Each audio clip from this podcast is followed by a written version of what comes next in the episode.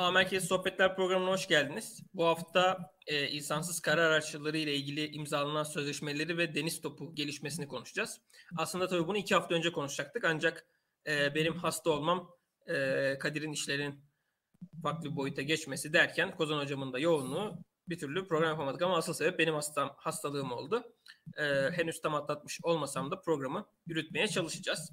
E, hoş geldiniz öncelikle uzun bir aradan sonra yeniden bir aradayız. Kadir ve Hoş Kozan bulduk. hocam. Hoş bulduk. Selamlar. Ee, şöyle bundan e, iki hafta önce Sağ Expo'nun hemen bir gün öncesinde 9 Kasım'da yanlış hatırlamıyorsam e, FNSS tesislerinde Gölbaşı'ndaki e, insansız kar araçlarını kapsayan bir sözleşmeler dizisi imzalandı. Hem ağır sınıf insansız kar aracı tedariki için e, niyet beyanı imzalandı hem de daha küçük sınıftaki orta ve küçük sınıf araçlar için de e, çok sayıda araç için niyet beyanı imzalandı. E, Savunma Sanayi Başkanlığı'nın bir süredir yürüttüğü aslında e, tedarik modeli özellikle insansız sistemlere daha çok başvurulan, şimdi karar araçlarında, insanlı karar araçlarında da bu e, süreç devam ediyor. Yarışma usulü dediğimiz bu usul var. Bunu daha önce biz bahsetmiştik çeşitli programlarda. E, araçlardan bir adet, iki adet ya da üç adet o e, teste ne kadar lazım olacağı ile ilgili belli bir sayıda e, araç tedarik ediliyor e, her modelden ve bunlar e, sahada test ediliyorlar parametreleri inceleniyor ve araçların gelişimi de bu süreçte devam ediyor geri bildirimlerle beraber. E, atıyorum dayanıklılık seviyesi artması gerekiyorsa onun üstüne çalışılıyor. Yazılımlarla ilgili bir şey varsa onlara çalışılıyor derken e, bu aslında bizim Amerika Birleşik Devletleri'nden tanıdık olduğumuz bir model. Amerikalılar bunu çok uzun yıllar işlettiler. Savaş uçaklarına bile işlettiler. İşte F-35 projesinde X-32 ile X-35'in e, şey yarışması gibi. Bunları şimdi biz kara araçları sektöründe Türk Türk savunma sanayi sektörünün izin vereceği ölçüde yani rekabetçi olunabilecek sektörlerde uygulamaya başladık. E, Kozan hocam düştü. Tekrar o yayına girer. Ben alırım. Ve bu noktada yarışma usulü hem sektörün ekosistemin gelişimi hem de e, araçların daha iyi gelişmesi, firmaların rekabet edebilmesi ve projelerdeki şeffaflık açısından daha uygun bir model. Çünkü kağıt üstünde kaldığı zaman firmalar e, kağıt üstünden ihale alıyor ama e, ihale işlevle, işlevsel hale gelmeye başladığında araçlar gerçekten o kağıt üstündeki performansları veriyor mu vermiyor mu ayrı bir boyuta geliyor ya da isterler değiştiriyor ihaledeki araç e, kabul edilebilsin diye. Dolayısıyla yarışma usulü daha rekabetçi ve daha iyi bir e, projeyi, daha iyi bir tedarik mekanizmasını bize sunacak. İnsansız kara araçlarına geldiğimizde de e, burada en çok dikkat çeken e, FNS'in gölge süvari aracı oldu. Ağır sınıf bir insansız kara aracı bu.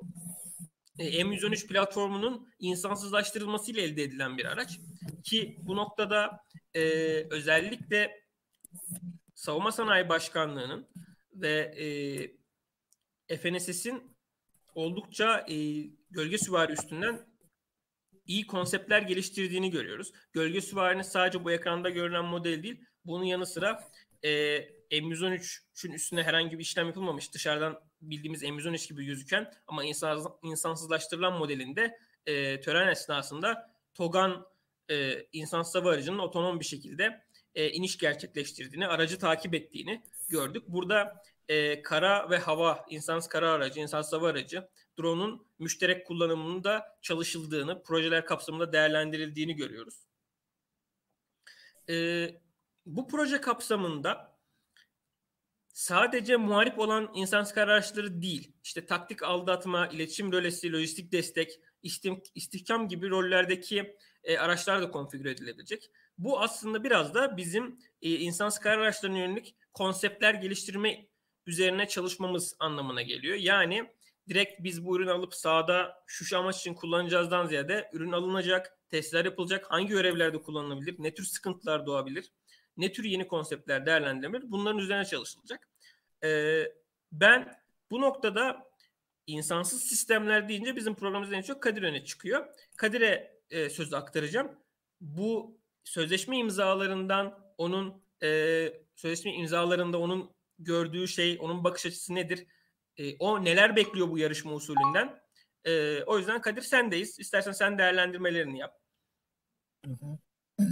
Şöyle öncelikle e, iyi akşamlar herkese. Bu yarışma usulü e, çok e, uzun zaman olmasa da e, bir süredir uygulanan bir e, yöntem ki oldukça da mantıklı ve makul bir yöntem bana kalırsa. Bunun e, çeşitli sebepleri var. Dediğim gibi Amerika'da çok sık başvurulan bir yöntem. Temelde bundan önce nasıl oluyordu? Bundan öncesinde örneğin A firması, B firması, C firması e, bir TCD yayınlanıyordu. TCD'yi o firmalar e, alıyorlardı. Sonrasında ihaleye e, giriyorlardı. Örneğin işte şu şu şu şu şu isterleri karşılayacak bir hava aracı, kara aracı, deniz aracı şu kadar sürede teslimatının yapılması gerekiyor. Teknik şartnamesi, idari şartnamesi böyle diye yayınlanırdı. Firmalardan bir tanesi o şartları yerine getirir ve günün sonunda onun e, üretimini almaya veya ARGE projesi ARGE'sini almaya hak kazanırdı. Şimdi biraz daha farklı bir konsept var. Nasıl bir konsept var? Önce size bir e, şey veriliyor. Temel yeni bir ister veriliyor. Teknik şartname, idari şartname veriliyor. Ama sonrasında bu teknik idari şartnameye göre tek bir firma değil. Örneğin gelecekte 300 adet lik bir sipariş söz konusu diyelim TSK'nın böyle bir ihtiyacı var. Bu 300 adetlik siparişin öncesinde 3 tane firma veya 4 tane 5 tane işte o yine SSB'nin karar verdiği bir konu X kadar firma diyelim o ihaleye başvuruyor. Onun sonunda o ihaleden her biri birer, ikişer, üçer adetlik prototipler çıkartmaları oradaki teknik şartnameye göre isteniyor. Maliyetler belli oluyor.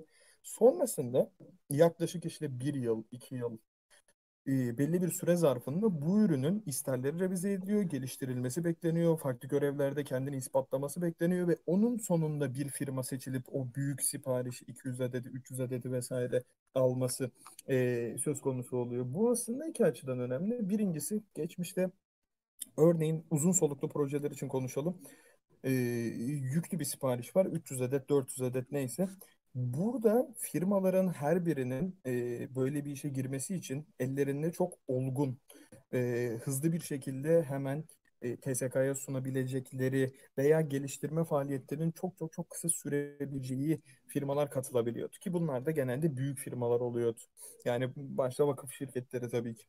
E, şimdi bu durumda firmaya siz ön isterleri karşılayıp belli bir e, altyapıda bir ürünü çıkarıp sonrasında onu sahaya hazır hale getirebilmesi için belli bir fırsat veriyorsunuz, bir e, süre tanıyorsunuz, e, belli bir bütçe veriyorsunuz. Bu aslında özellikle COBİ'lerin biraz daha savunma projelerine, COBİ veya daha e, orta ölçekli vakıf şirketi olmayan e, firmaların burada yarışması adına güzel bir e, gelişme. Bir diğer noktası da şu. Dediğim gibi belli bir süre zarfında bu isterleri siz değiştirebiliyorsunuz. O ürünün gelişmesi için çeşitli faaliyetlerde bulunuyorsunuz. Örneğin e, yine yüklü bir adet siparişte 3 yıl 5 yıllık bir teslimat süresi olan bir yerde isterler ya çok böyle kısıtlı e, ve sıkı tutuluyor ya da zaman içerisinde hele de bazı alanlarda teknolojik gelişimin çok hızlı olduğu alanlarda özellikle o isterler e, biraz ürünün teslimatları yapılıp sahada kullanımına başlanacağı zaman biraz böyle geriye kalmaya başlıyor. Özellikle yarı iletken alanları, ne bileyim elektronik sistemler, optik sistemler, e, görüntüleme, haberleşme sistemleri bu gibi alanlarda teknoloji çok hızlı ivmelendiği için size aslında o isterleri biraz daha e, yumuşatmak veya e, daha geleceğe yönelik net belirlemek açısından belli bir zamanla tanınmış oldu. Hani bu özellikle yarışma konusunu ben oldukça hani mantıklı, başarılı ve doğru buluyorum onu söyleyeyim. Ee, bizim insansız kara araçları konusuna gelirsek açıkçası e, Türkiye insansız hava araçlarındaki e, başarısını ben bu alanda henüz en azından gösterdiğini düşünmüyorum. Zira e, bizim elimizdeki kabiliyetler, insansız sistemlerdeki bu kabiliyetlerin temeli çok uzun yıllar öncesine dayanıyor. Yani TB2'nin işte ilk uçuş yaptığı yıllara baktığımız zaman burada neredeyse işte 7-8 sene öncesinde silahlı uçuşlarını falan yaptığı dönemler öncesinde TB1'i, Ankası, oyu buyu yine bir ton şeyi var. Bu aslında şöyle bir şey demek. Sizin insansız sistemler arasında belli bir kabiliyetiniz var, belli bir altyapınız var. Bu altyapı zaten artık combat proven olmuş, tüm dünya bunu konuşuyor, birçok yere ihracat yapıyorsunuz. Ki şöyle bir örnek verebilirim. Buradaki kabiliyetlerin ana altyapısı, temel yaklaşımı, e, kurgulanması bunların hepsi aslında insansız kara araçlarında da deniz araçlarında aynı. Yani Şöyle örnek vereyim. Bir hava aracında sizin yaptığınız şey e, temelde e, o aracın e, otonom bir şekilde kontrolü, güdümü, seyri seferi, e, diğer aviyoniklerle birlikte, altyapılarla birlikte getirdiğiniz ve diğer kabiliyetler var. Şimdi sizin güdüm sisteminiz, e, ne bileyim orada kullandığı kalman filtreniz, işte ne bileyim e, particle filtreniz, oyunuz, buyunuz bunlar bir hava aracından bir kara aracına geçtiğiniz zaman çok ciddi oranda değişmeyen altyapılar. Yani altyapısı değişmiyor. Siz örneğin havada da bir basınç sensöründen veri alıp onu bir filtreye sokup bir e, guidance yapıyorsunuz. Karada da yapıyorsunuz. Yani bunların parametreleri değişir, metrikleri değişir.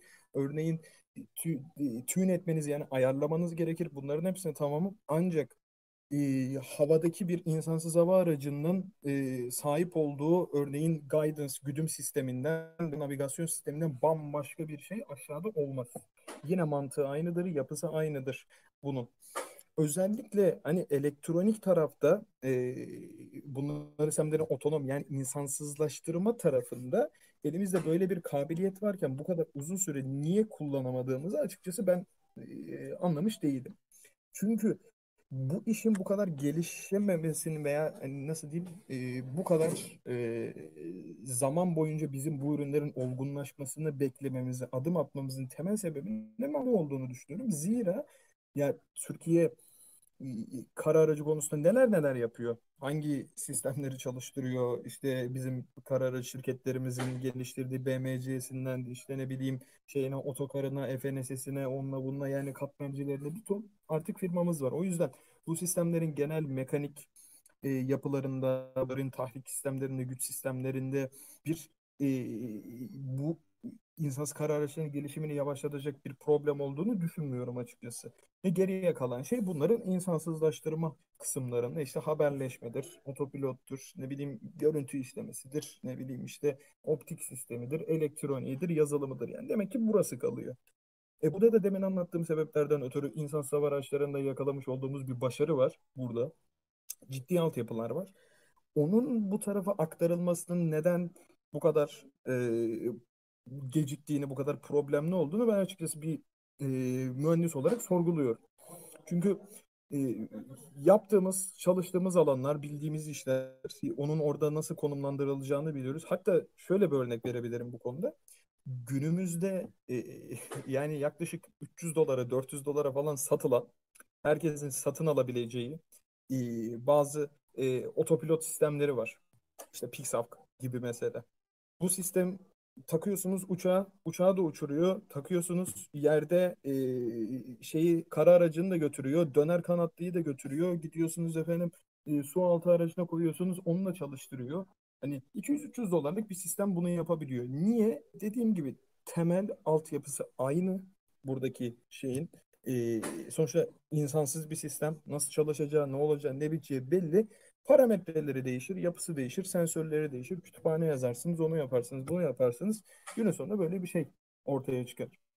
Bu gibi sebeplerden ötürü ben açıkçası henüz bu alana yeterli olgunlukta bir ürün e, 2021'i bitiriyoruz neredeyse 2022'ye geliyoruz. Henüz bu alanda bu kadar da firmamız varken bu alanda bu kadar fazla çalışan firmamız varken henüz Combat Pro'nun bir, bir ürün olmaması, Combat Pro'nun da geçtim seri üretime girecek, envantere girecek olgunlukta bir e, teknoloji seviyesini yakalayamadığımız bir ürün olması ben açıkçası bir, e, özellikle buradaki oyuncular için yani bu alandaki oyuncular için bir başarısızlık olarak görüyorum diye özetleyebilirim herhalde.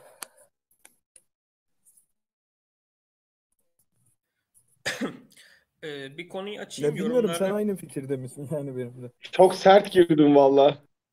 Valla ben aynı fikirdeyim. Ee, şöyle işte Fırat Kalkanı olduktan sonra ilk insansız kar aracı örneklerini biz görmüştük.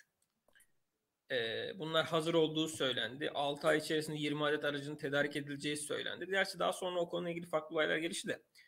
Veya, veya yani sonuca gelirsek ondan sonra biz Zeytin Dalı Harekatı'nı yaptık. İşte Bahar Kalkanı oldu, Barış Pınarı oldu. Hadi onlardan bir tanesi daha çok havadan insansız sistem, insansız hava araçları ve havadan diğer bombardıman, uzaktan atış destek vasıtaları üzerinden oldu ama sonuç olarak e, ondan sonra 3 harekat daha yaptık ama Combat Proven dediğimiz gibi gerçekten olabilecek bir ürünü sahaya sunmadık. Burada e, özellikle ben e, tehlikeli bölgelere giriş yapacak. Hani çok uzaktan değil hani gerçekten 1-2 kilometre öteden kontrol edilecek değil. Belki 100 metre ileriden 50 metre ileriden kontrol edilebilecek tehlikeli bölgelere insan yerine işte bu araçlarla müdahale edilebilecek e, sistemleri görmeyi beklerdim. Ya da otonom olarak bazı devriye faaliyetleri ya da hedef tespit faaliyetlerinin yapılmasını. E, bunları sahada görmedik. Kadir'in dediği gibi bizim insansız sistemlerdeki iddiası bizim gibi olan bir ülke için birazcık e, olumsuz bir durum bu. Şimdiki yarışma durumuna dönecek olursak da ha, orada şunu da ekleyeyim Fatih. Kadir biraz, gibi... bu arada sesin birazcık az geliyor haberin olsun. Ha, iyi mi şu an? Değişmedi ama neyse. Tamam birazdan düzeltirim o zaman. Şöyle şunu mesela özellikle e, ekleyebilirim demin söylediğim şeyleri. Buradaki temel durum şu aslında. E, bizim için Türkiye gibi bir ülke için bu yaşanılan senaryoya bir başarısızlık diyorum. Çünkü örneğin insan savaş araçları konusunda veya otonom sistemler konusunda hiçbir iddiası bulunmayan bir ülkenin e, veya başka bir e, bizim kadar kabiliyeti olmayan bir ülkenin e, böyle bir işe giriştiği zaman çok daha kötü senaryolar ortaya çıkar. Ama bizim elimizde hali hazırda sahip olduğumuz teknolojiler var, sahip olduğumuz kabiliyetler var. Özellikle işte Baykar'ı, Tayis'i artık bizim yani ufak firmalarımızın bile birçok kabiliyeti var bu alanlarda. Benim buradaki temel gördüğüm başarısızlık buradaki kabiliyetlerin yeterince bu sınıflara aktarılamamış olması. Biz bunu çok daha e, verimli bir şekilde, çok daha hızlı bir şekilde yapabilecekken henüz e, yani benim beklentim bu konuda şuydu aslında en azından iki hani hep konuşulan bu konuşuluyor bu kara araçları 17, 18, 19, 20, 21 yani 20, 2021 bitti artık ve dediğin gibi yani biz kaç tane operasyon yaşadık ihtiyaç var bunlara. Hani bu konularda çok ivedilikle artık e, adım atılması gerekiyor. He, bütçe problemleri olabilir, lojistik problemler olabilir, ne bileyim e, gidip e, ambargoya takılabilirsiniz. Bu gibi konular hani varsa benim e, doğrudan kara araçları sektörü dahil olduğum bir sektör değil. O yüzden e, içerisindeki yapıya çok hakim değilim. Bu gibi durumlar varsa anlayış gösterilebilir bir şey. Ama bu gibi durumlar yoksa gerçekten bu kabiliyetlerin şimdiye kadar çoktan aktarılması gerekiyordu bu noktalara. Bunu da yapacak olan sektördeki oyuncular yani firmalar işte e, kimse oradaki kara araçları firması biraz da inovatif yaklaşıp bu konulara mümkün olduğunca şey yapmaları lazım.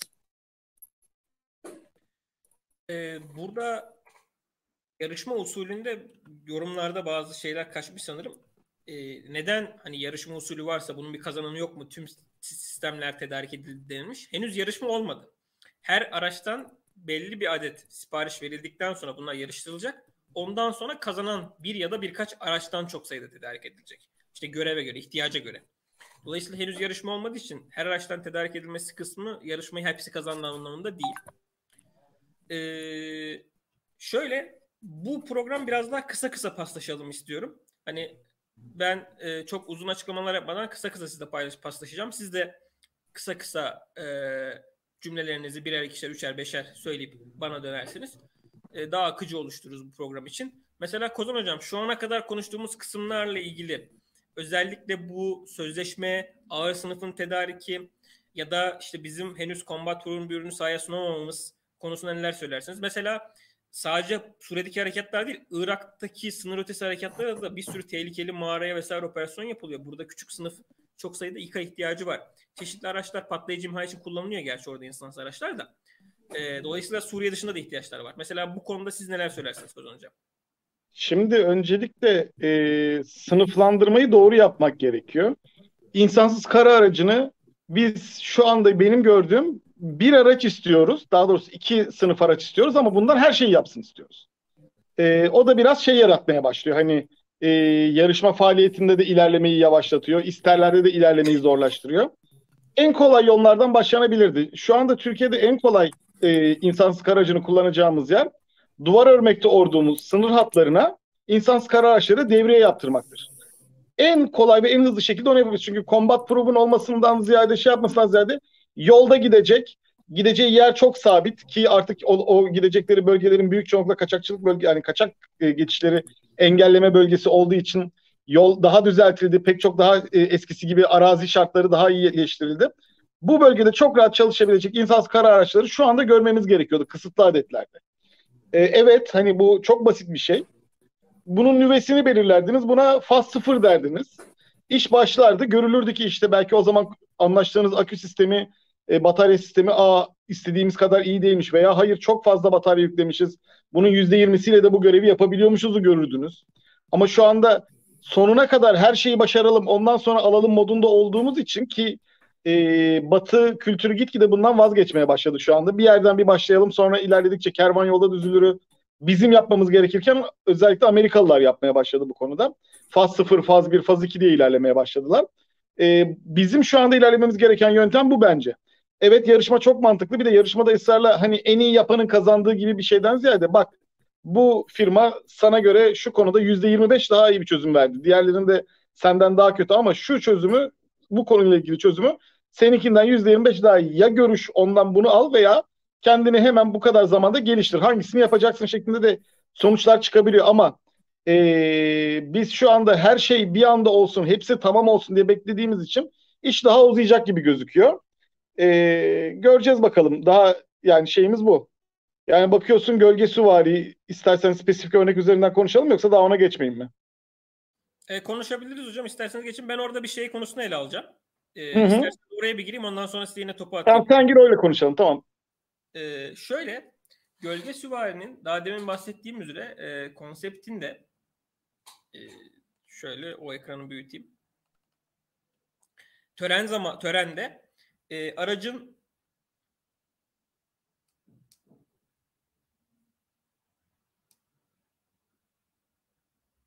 Şu görünüyor. Evet görünüyor. Bu video da video olarak oynaması için. Hı.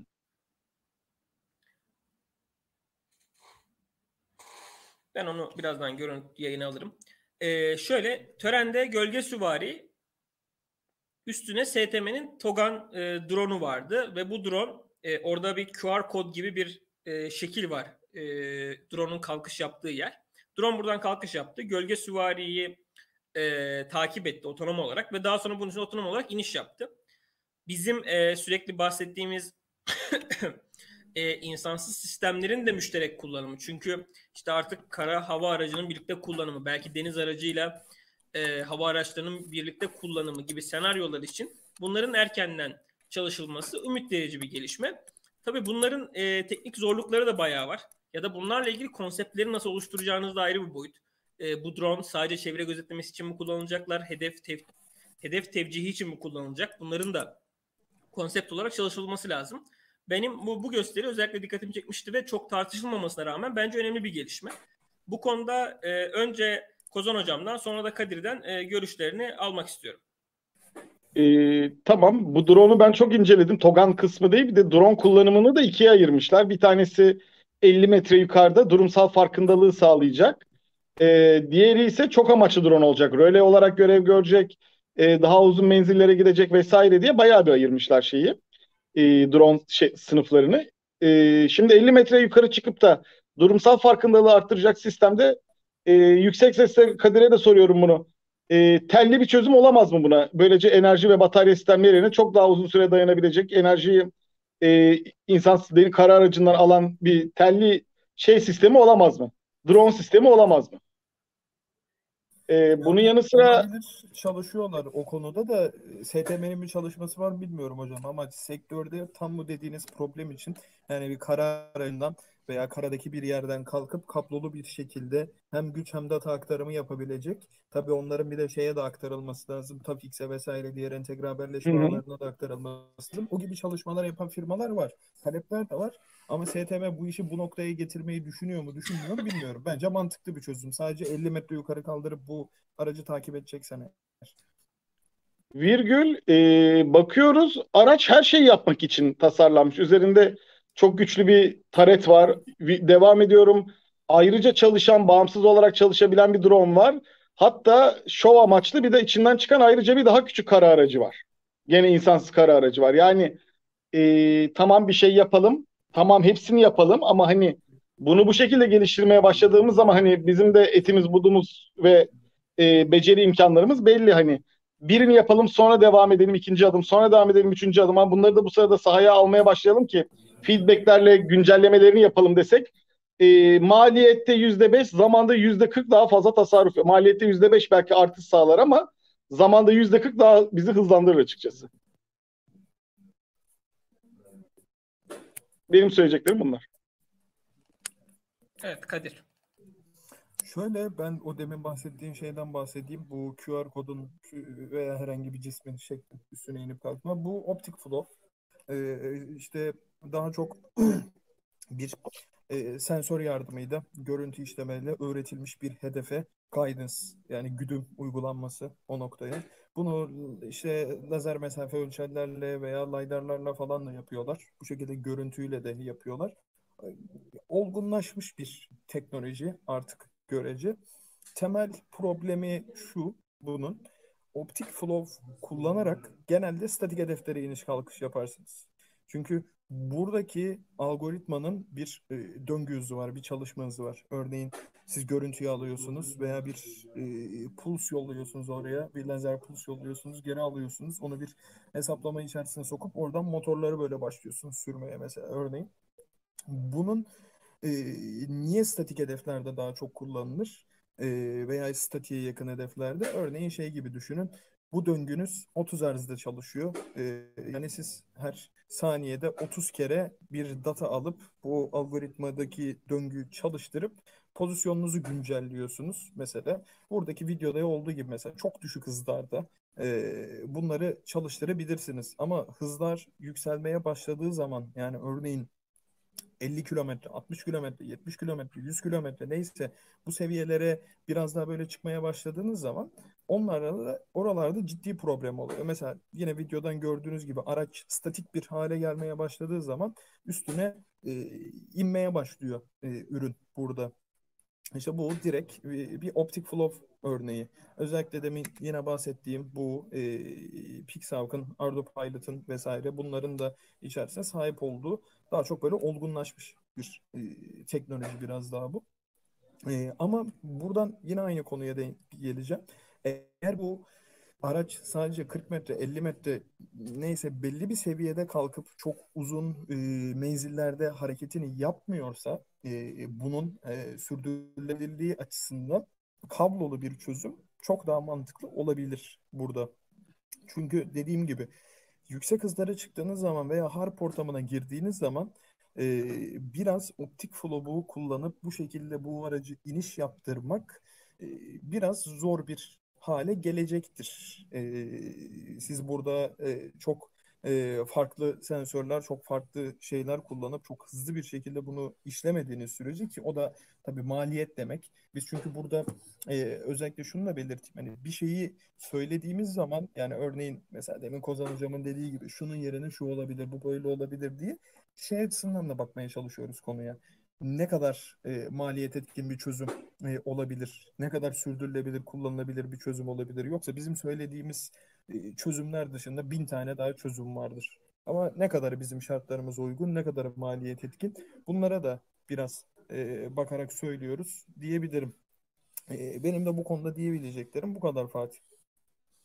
Ben bir şey eklemek istiyorum. Ee, şöyle o da e, evet şu anda gösterilen şeyde bugün okurken benim de dikkatimi çekmişti. Gölge Süvari'de özelinde. E, ayrıca bir de röle yapan drone istenmiş.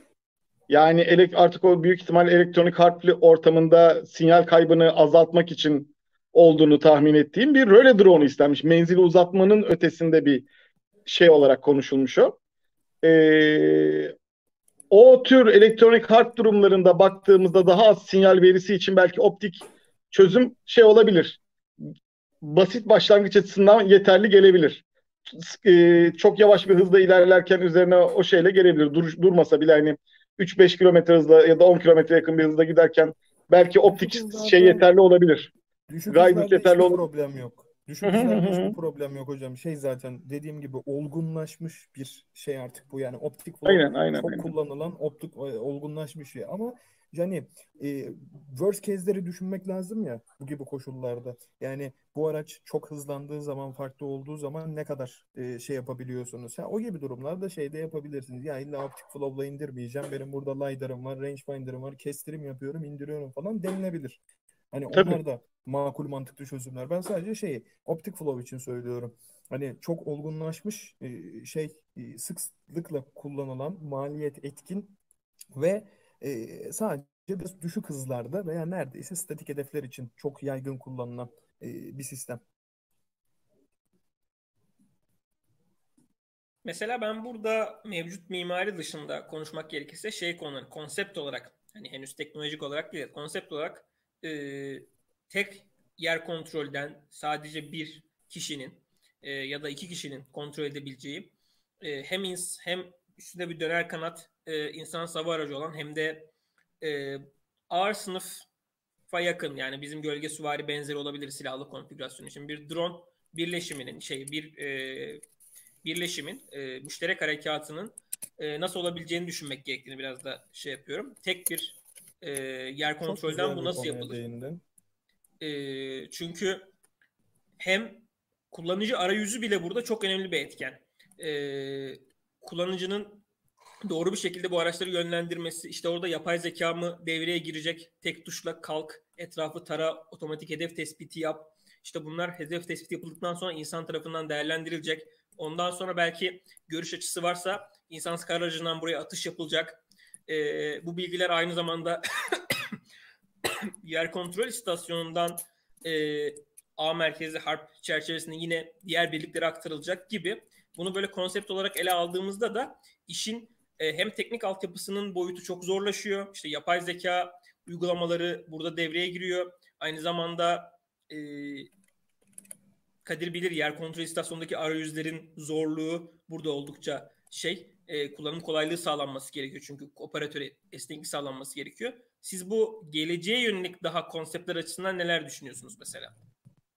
Yine isterseniz Ee, Kozan hocamdan ya da Kadir'den hanginiz başlamak Kadir, isterseniz. ba- Kadir buyursun, Kadir buyursun. Siz, siz başlayın hocam. Ben Tamam. şimdi Fatih'in tam dediği konuyla ilgili bir iki tane hani görsel bulmaya çalışıyorum. Fatih'e atacağım ekrana Tamam. verebilirse diye. Ben zaten Ona çok genel konuşacağım. Bu benim çünkü. e, en önemli yaralarımdan biridir. Bizim Türkiye'de şu anda e, buna ister döner kanat diyelim, ister yük taşı, yük derken ağır tip drone diyelim, ne dersek diyelim ama e, geride kalmakta olduğumuz ve ısrarla bir bitmiş bir çözümü göremediğimiz bir başka kısma getiriyor bizi. Şu anda Avrupa'da en az iki tane e, döner kanat, silahlı döner kanatlı e, insansız hava aracı var.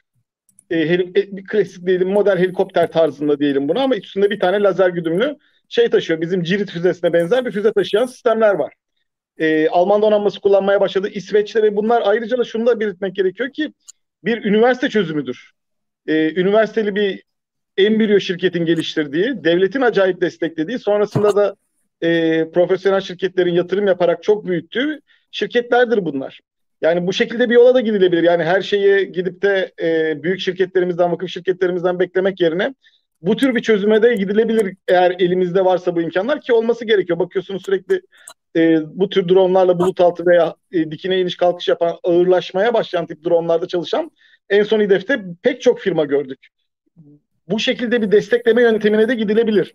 Ama şu anda bu konuda geç kalıyoruz. Tüm dünyaya satabileceğimiz bir ürün yaratabiliriz.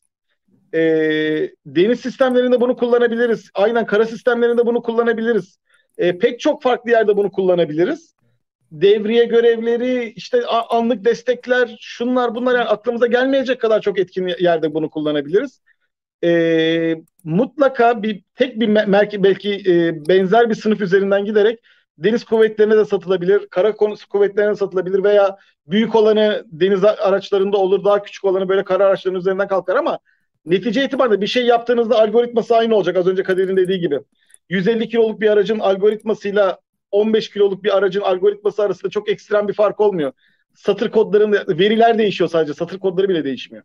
O şekilde düşünmek Sensör gerekiyor. Yani parametreleri diyebiliriz. aynen sensör parametreleri değişiyor sadece. Artık hani bizim ortada bir ürünümüzün olup bu ürün üzerinden ilerlemeye başlamamız gerekiyor.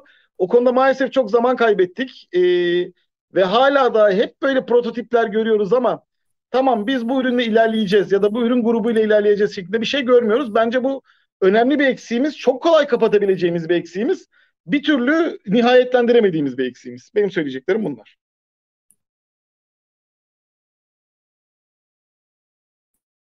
En fikrim e, hocam ben de sizle. O konuda heh, Fatih verdi ekrana. E, şimdi özellikle e, insansız kara araçlarında ve hava araçlarında, deniz araçlarında bizim hep bu program genelinde de konuştuğumuz bir konu var. Biz ne yaparsak yapalım e, artık dilimizde tüy de bitti. İnsanlar e, biraz şey de yapıyor. E, şakaya da alıyorlar bu konuyu ama bir şeyleri birbirine bağlamamız lazım. Ki her birinin etkinliklerini, verimlerini artıralım. İşte A merkezde ARC diyoruz, Network Centric Wi-Fi deniyor, o deniyor, müşterek hareket deniyor falan filan. Şimdi insansız kara araçlarında, e, hava araçlarında temel bunların yapılması için e, en önemli nokta haberleşme yapıları, network topolojileri bunların. E, günümüzde bunların en çok e, kullanılanlarının e, başında e, mesh haberleşmesi denilen, mesh network denilen bir yapı bulunuyor. Burada mesela şu görseli demin buldum. E, hemen paylaştım Fatih'te. Mesela Star ve Mesh'in arasındaki farklar burada biraz da anlatılmış. E, Star dediğimiz topolojide e, işte e, network haberleşmesinde falan Wi-Fi haberleşmesi olan işte bu SISO, MIMO, MISO gibi şeyler var işte. Tek girdi çok çıktı, tek girdili tek çıktılı, çok girdili tek çıktılı, çok girdili çok çıktılı gibi. Burada mesela şu star e, topolojisinde gördüğümüz şey bir tane bir e, koordinatör dediği oradaki datayı e, verebilecek, e, oradaki işlemi, haberleşme yapısını yönetecek bir cihaz, bir alet var. O tek tek paylaşıyor etrafında bunlar çevresindekiler. Mesh dediğimiz şeyde şu durum farklı. Mesh'te bir koordinatör dediğin şey var ve bunun etrafında senin sayısını artırabileceğin routerlar var. Bu routerlar aslında bir veriyi başka aletlerin, başka makinelerin almasını, bağlanmasını sağlayan modemler aslında. Modem gibi düşünebilirsiniz. Yani Şöyle Meş'i biraz daha anlatayım. Yerde bir anteniniz var, havada modemleriniz var. Sizin evinizdeki Wi-Fi modem gibi düşünün bunu. Havadaki modemlerinize sizin diğer ka- araçlar, kara araçları, onlar bunlar falan filan bağlanıyor. Günün sonunda siz böyle bir mesh yapısı oluşturuyorsunuz.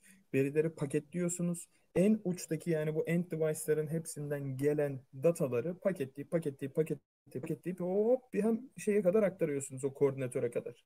Bu günümüzde çok fazla kullanılan, çalışılan e, metotlardan bir tanesi. Özellikle Çinliler insansız kara araçları konusunda bunu çok yaygın derece şekilde kullanıyorlar. Hem de e, şeyde e, şehir ortamı içerisinde kullanıyorlar bunları. Yani bazı videolar vardı. Bulursam yine yayınlanan bölümünde gösteririm. Kara aracı bildiğiniz Şangay sokağında bir kara aracı silahlı değil demonstration yapmışlar. Ee, Şangay'ın da her yeri böyle şey gökdelendir falan. Normal bir haberleşmenin çok mümkün olmadığı alanlardan bir tanesi.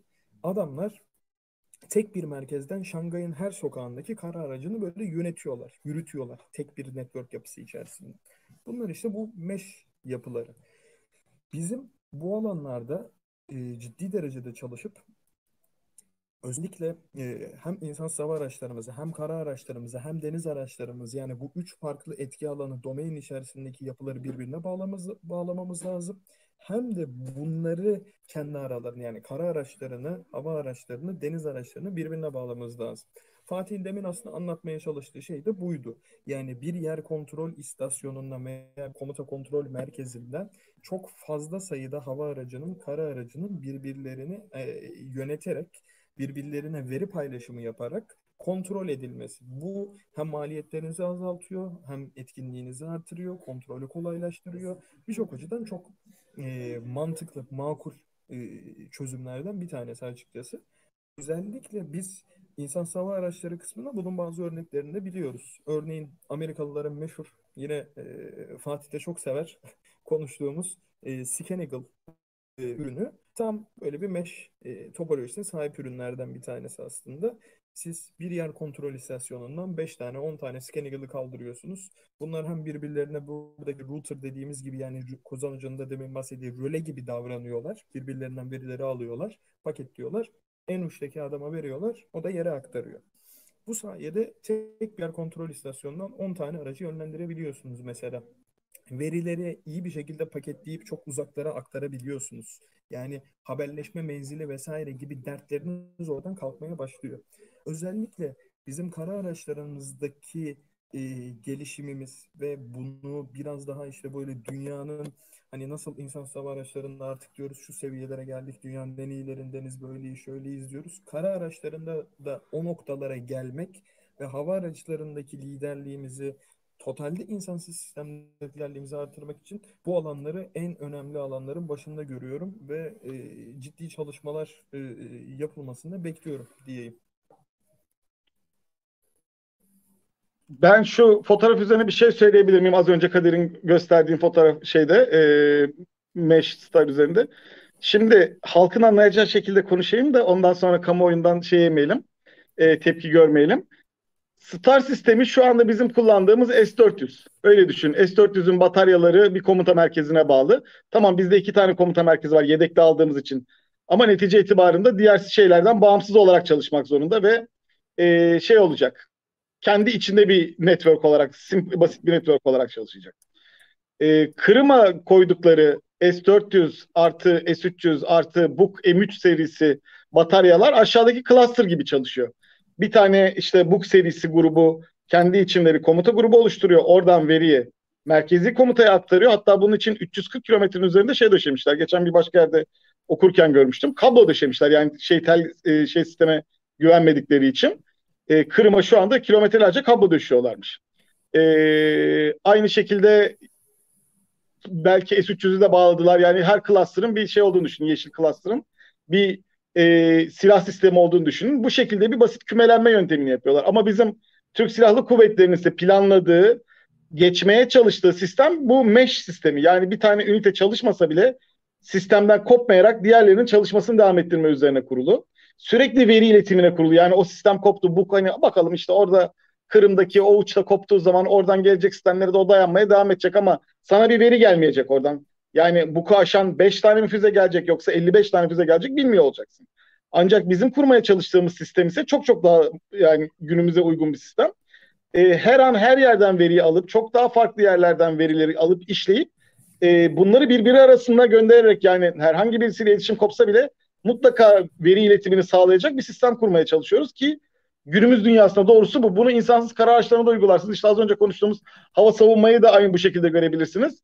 İnsansız deniz araçlarını da bu şekilde görebilirsiniz. Yani e, anlamanız gereken şey bu. Bir tanesi bağımsız çalışıyor. Bir tanesi bağımsızların birbirleriyle basit iletişimiyle çalışıyor. Üçüncüsü ise acayip bir biçimde birbiriyle koordine çalışıyor şeklinde anlamaya çalışalım. Sağ olun hocam. ben e, yani e, mümkün olduğunca teknik olarak e, azaltmaya çalışıyorum da her zaman e, mümkün olmuyor tabii. E, iyi oldu bu şekilde de açıkladığınız. Bir de ben bir soruda da gördüm. E, ona da bir cevap vereyim sırası gelmişken. Hani bir arkadaş sormuş hani A merkezli e, harpten kastımız zaten bu network yapısı değil mi diye. E, aslında merkezde harp dediğimiz şey çok daha geniş bir kavram bizim. Yani şöyle geniş bir kavram diyeyim.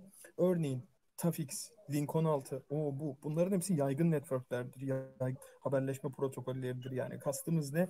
Bir uçtan diğer uca kadar siz bu veriyi aktarırsınız bu taraflarda. Ama bunlar size anlamlı verileri paketleyip onları sağa sola böyle paylaşacağınız, açacağınız anlamına gelmez burada. Yani e, her mesh gibi e, yapı e, sizi e, şey diye bir durumun içerisine sokmasın. Ee, işte A merkezde harptir değildir diye sokmasın. Çünkü bunlar çok daha e, temeli bu işlerin. Yani bu bir network polojisi. A merkezde harp dediğimiz şey tüm sistemlerin birbirleriyle haberleşmesi. Orada nasıl haberleştiği, ne kadar haberleştiği, ne olduğu, ne bittiği işin detay konuları. Bu da biraz şunu şöyle düşünün. Nasıl bir haberleşeceğine dair bir yöntem günümüzde çok sık kullanılan e, bir yöntem. O yüzden hani kavram olarak birbirlerinden farklı şeyler diye ayırabiliriz. Kadir orada güzel bir noktaya değindi. Ben de aynı yorumu gördüm. Dediği gibi Kadir'in mesh burada bir e, seçenek ya da daha doğrusu bir teknoloji ya da bir e, protokol olarak önümüze çıkarken A merkezi harp çok geniş bir kavram.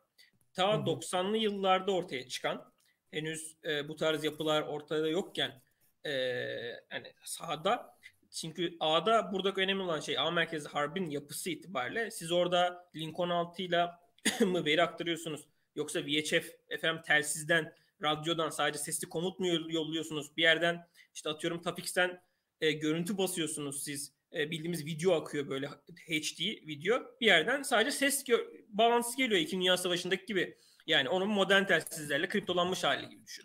Dolayısıyla orada e, A merkezi harp kapsamından hepsini ele alabiliyoruz. Ama günümüz mimarisinde çok daha büyük boyutlu dosyaları gönderebilmek anlık olarak e, bunların çok farklı komuta kontrol sistemleriyle paylaşılması, yönetilmesi derken e, A merkezi harp tüm bütün bu kavramların hepsini içine alabilen çok geniş bir kavram.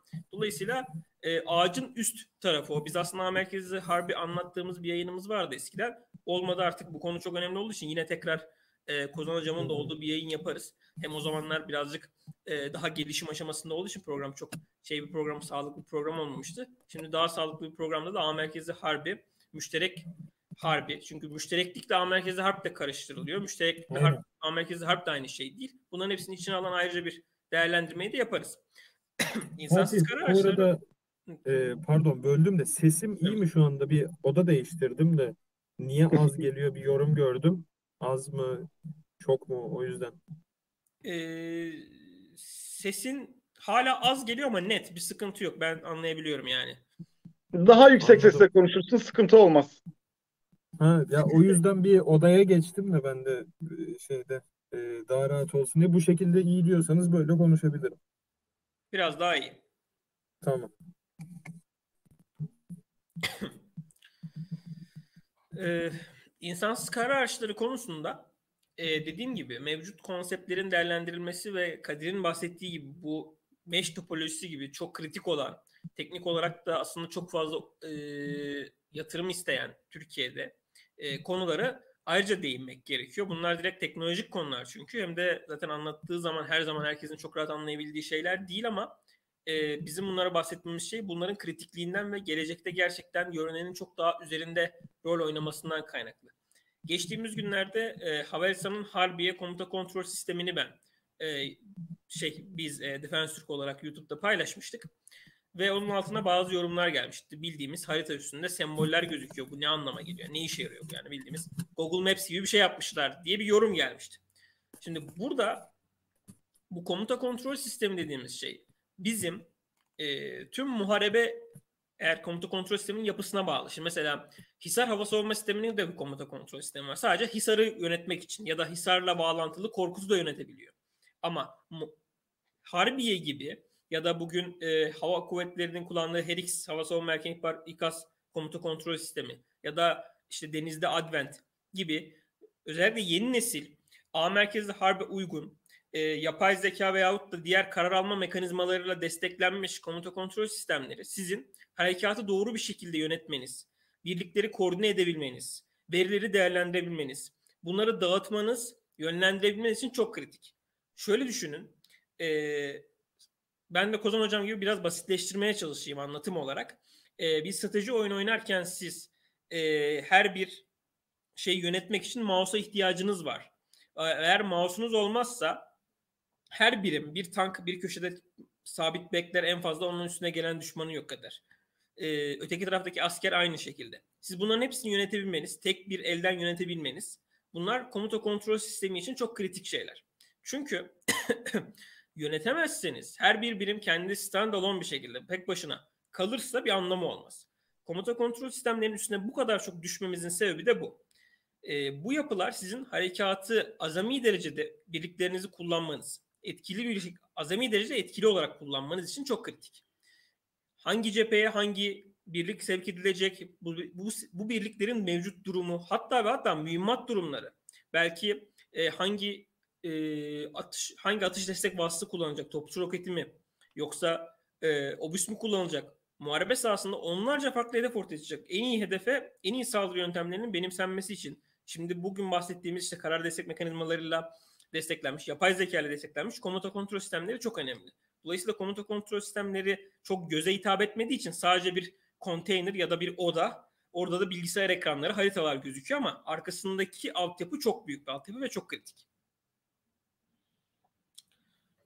İşte bunun e, denizdeki yansıması mesela savaş yönetim sistemleri. Orada savaş yönetim sistemleri çok önemli. Gemilerin doğrudan tüm e, muharebe sistemlerinin yönetilmesi açısından. Mesela Kozan Hocam e, bu konuda bir şey söylemek ister bilmiyorum. Ona burada bir topu atayım. Ya evet onu anlatmak gerekirse e, bu tür artık yönetim sistemleri diye baktığımızda sadece bir harita gözüküyor ama o kadar aslında şey ki e, belki bir komuta sistemini yapmak birkaç tane savaş uçağı yapma maliyetini geçiyor. E, şey olarak baktığınızda, işçilik olarak baktığınızda, yapılan altyapı yatırımı olarak baktığınızda, yazılım olarak baktığınızda o kadar çok adam saat harcanıyor ki e, yapılan işin maliyeti de çok çok büyüyor. Ve elde edilmesi de çok zor bir iş. Şu anda e, bunu doğru olarak kullanabilen ülke sayısı çok çok az. Yani teknolojik olarak bizden daha gelişmiş olduğu halde bu işe yatırım yapmak istemeyen pek çok Avrupa ülkesi var şu anda. Hani hazır olarak NATO altyapısı yapsın da biz kullanalım diyen bir Avrupa Birliği ordusu var şu anda hani. Öyle düşünmek gerekiyor. Avrupa Birliği'nin bütün şeyini NATO sistemi üzerine kurmaya çalışıyorlar. Bu harp yapısı üzerine kurmaya çalışıyorlar. Çünkü kendileri bu işe çok ciddi bir maliyet tutacağı için yatırım yapmak ve zaman harcamak istemiyorlar bağımsız bir sistem kurup. Haliyle de e, şu anda bizim yaptığımız bu iş gerçekten çok özel ve e, yani bize için zaten dünyadaki başka kimsenin veremeyeceği bir sistem oluyor. Öyle söyleyeyim yani size şimdi herkes e, şöyle anlatmaya çalışayım. Taktikos diye bir şey vardır. Bizim Yavuzlarda da kullanılan bir e, savaş yönetim sistemi vardır. Bu bir eski nesildir. İyi bir sistemdir ama üzerinde sizin görmek istediğinizi e, yapan firmanın gelip size tekrar programlamasıyla olabilecek bir şeydir. Belki o içinde vardır hani o verileri topladığı için onun içinde o vardır ama size bunu ya ben şunu şöyle görmek istiyorum diye anlattığınızda anlık bunu alabilir miyim dediğinde o veri var içinde onu görüyor aslında o işlemi de yapmış ama sana göstermiyor çünkü o ana kadar yapan kimsenin öyle bir şeye ihtiyacı olmamış ama o okyanus için yapmış onu. Sen adalar denizinde çalışıyorsan senin ihtiyacın belki bambaşka olmaya başlıyor. O zaman işte kendi yaptığın sistemin farkını görüyorsun. İşte Avrupa'da şu anda bunun aynısı olsa ovada çalışacak kara sistemleri için. Ama senin her tarafın daha engebe bilmem ne engel vesaire şu bu. Yani senin çözümün hem daha pahalı, daha kompleks, daha başarılı bir sistem oluyor. Hem de onların ihtiyacı olmayan pek çok şeyde anlık senin sahip olman gerekiyor. Hiçbirinin asimetrikle ilgili bir derdi olmayacak. Belki sen anlık asimetriyi de takip etmek zorunda kalacaksın gibi gibi.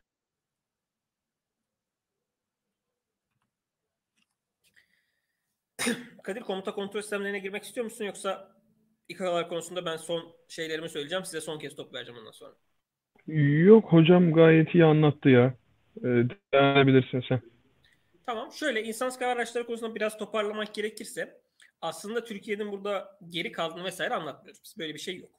Söylediğimiz şey Türkiye'nin elindeki imkanlar dahilinde çok daha erken bir şekilde bunları savaşta kanıtlanmış yani muharebede görev almış bir şekilde dünya kamuoyuna aynı insan savaşlarının olduğu şekilde yansıtabilirdik. Bunun için şansımız vardı. ihtiyacımız da var. Sadece şans değil bu. Silah reklamı yapalım durumu da değil. Ee, özellikle Irak'taki operasyonlarda çok tehlikeli bölgelerde operasyon yapan birimlerimiz var. Ee, yine Suriye'de hala tehlike devam ediyor. Hani orası çok durulmuş bir saha değil. Belki yine bir operasyon göreceğiz. Dolayısıyla bunları muharebede örnek veriyorum yarışma bence yarışma olayı çok kıymetli. Bu devam etmeli. Ben yarışma olmasaydı hazır acil alımla hepsini alalım demiyorum. Ee, yarışma olayı devam ederken belki acil tedarik kanalıyla bazı sistemlerin tedariği ve sahaya sürülmesi olumlu olabilirdi. Tabii belki burada Kadir'in söylediği gibi buraya yansımayan, e, yansımamış konular da olabilir. Bunu ayrı bir yerde tutuyorum ben buradaki bakış açımı. Dünyaya baktığımızda insansız kara araçlarında işte Ruslar bunu operasyon olarak test etti. Uran 9 Suriye'ye gitti. Ya da e, farklı e, kara araçlarının yine e, Mali'de Estonya'nın yaptığı, e, Milrem'in yaptığı araç Estonya'da Fransızlar tarafından deneniyor. O daha çok böyle lojistik konularda e, görev yapıyor ama e, orada baktığımız zaman şöyle bir durum var. E, bizim kadar çok muharebe ortası, ortamında insan sistemleri deneyimleme tecrübesi olan ülke yok. E, Amerikalılar dışında. Amerikalılar da tabii bunu daha birey, daha e, bireysel kullanıyor bu araçları ama dolayısıyla bizim bu bu yönde çok ciddi avantaj elde edebiliriz. Gerçi hala elde edebiliriz. Bu konuda şansımızı çok yitirmiş değiliz. E, bu ayrı bir parantez noktası. Dediğimiz gibi dolayısıyla biz bir geri kalmış, kalmışlıktan bahsetmiyoruz. Olay yanlış anlaşılmasın. bir dünyaya geri döndüğümüzde Avrupa'da Milrem'in e, birçok Avrupa Birliği ülkesi tarafından desteklendiğini görüyoruz. Milrem sadece Estonya'da ortaya çıkmış bir e, şirket değil aslında. Orada evet bir startup gibi kuruldu, büyüdü ama Avrupa'da hemen hemen büyük ülkelerin hepsinden destek alıyor. Hepsi bu araçlardan tedarik edip kendi konseptlerini oluşturmak için bu araçları deniyorlar. Daha demin e, bahsettiğim konu aslında bununla ilgili. Bu araçları deneyerek konseptler oluşturma. İşte Fransızlar bununla biz zırhlı araç yolda kalsa bunu çekebilir miyiz diye de bakıyor. Askerimi takip ederken buna ta- çanta taşıtabilir miyim diye bakıyor.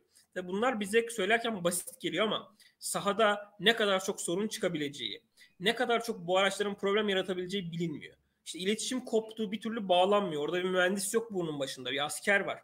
E, o asker ne kadar bilgili, bu sisteme ne kadar hakim bilmiyorsun. Ne yapacaksın? Aracı orada bırakacak mısın? Çekecek misin? Neler yapılabilir? Bunların hepsi büyük sorunlar aslında. Çok gözükmüyor ama. Dolayısıyla e, dünyaya baktığımızda orada da halen bir konseptleri değerlendirme ve öğrenme noktasında irade var. Dolayısıyla bizim orada genel dünya anlamında da bir geri kalmışlık durumumuz yok. Her ülke burada belli, belli çabalar yürütüyor. Rusların Suriye'deki Uran 9 macerasının çok başarılı olmadığını biz çeşitli Rus kaynaklarından biliyoruz ya da sızıntılardan. Dolayısıyla onlar da burada bazı başarısızlıklarını gördüler ve araçlarını güncelleme ihtiyacı duydular. Bu önemli bir gelişmeydi. Daha demin bahsettiğim nokta buydu. Uran 9 kağıt üstünde çok iyi bir araçtı. Ama sahaya çıktığında işte 8 tane antitank füzesi ya da 4 tane yanlış hatırlamıyorsam çok güzel. 30 mm top öldürücü gözüküyor. Ürkütücü bir araç. Uzaktan kumandalı insansız. Ama sahada istenen etkiyi veremedi. Ve bununla ilgili yeni güncellemeler yapılıyor. Dolayısıyla bizim burada bahsettiğimiz konuda aynı şekilde bu araçların Türkiye'de sahada bazı şeylerin görülüp geri bildirimlerle desteklenmesi. Dediğim gibi Avrupa Birliği'nde Fransa bunu Mali'de kullanıyor. İngiltere kendi topraklarında bunlarla ilgili çok fazla test yapıyor. Çok farklı ülkelerden araçlar tedarik ediyor. Kinetik'ten vesaire. Kinetik'te Millem ortaklığı da var gerçi. Ee, Alman zırhlı araç devi Rheinmetall bu, bu konuda çok ciddi yatırımlar yapıyor. Rheinmetall'ın Kanada ofisi de bu konuda yatırımlar yapıyor. Ee, aslında bu da ayrı bir irdelenecek konu. Kadir çok sever konuşmayı. Boeing'in Avustralya'daki biriminin e, şey Loyal Wingman. Loyal Wingman çalışması gibi işte Rheinmetall'ın Kanada ofisi de orada Mission Master diye bir insansız kara aracı çalışıyor. İşte mesela insansız kara araçlarında paletli mi tekerlekli mi bu bile önemli bir soru. Bu bile çok tartışılıyor. Halen cevabı çok verilmiş değil. Ülkeler bu konuda çok e, optimum karar almış durumda değiller. Avrupa genelindeki Estonya macerası dediğim gibi bu ülkelerin hepsinin desteklemesiyle hem fon yatırılıyorlar hem de teknolojik olarak destekleniyorlar. Bizim gibi değiller. O adam istediği zaman sensörün en iyisini gidip tedarik edebiliyor çipte ya da diğer konularda e, FPGA yatı atıyorum kullanıyorsa. Bunların hepsini adam en iyilerini istediği ülkeden tedarik edebiliyor. Herhangi bir ambargo sıkıntısı yok. Avrupa'dan, Amerika'dan destek bulabiliyor kendine. Dolayısıyla Avrupa'daki yarışı başka bir şekilde değerlendirmek lazım. Ee, ve dünyada insansız kara araçları noktasındaki trenin, bu devam eden yolculuğun e, özellikle kullanımların sahada kullanımlara yönelik şekillenmesi e, önümüzdeki en az birkaç yıl daha çok aktif bir şekilde sürecek. Yani çok kısa vade hadi hemen insansız araçlara yola çıktı demek için biraz erken. E, insansız tanklar için de benzer şeyler geçerli. Bu insansız tank konusu mesela çok gündeme geliyor burada. E, aynı şey onlar için de geçerli. Ben son olarak e, bu Türkiye'nin e, FNSS tesislerinde yapılan bu gösterideki araçları ekrana getireceğim hızlıca. Onları aktaracağım ve son insansız aracı konusundaki son sözler için Kozan Hocam ve Kadir'e tekrar sözleri ileteceğim. Ee, ekranda Best grubun fedai insansız kara aracı var. Bu da orta sınıf e, araçlardan biri. e, otomatik hedef tas, e, tespiti ve takip sınıflandırma kabiliyetlerine sahip olduğu söyleniyor. Üstündeki silah kulesi de yine Best grubun kendi silah kulesi. Bu yönden diğer adaylardan farklılaşıyor. Kendi silah kulesini kullanıyor. Ee, burada işte Best Group e, yanılmıyorsam yine birkaç kararcı üreticimiz daha e, uzaktan komutalı stabilize silah sistemi üretimi düşünüyor, geliştirmesi düşünüyor.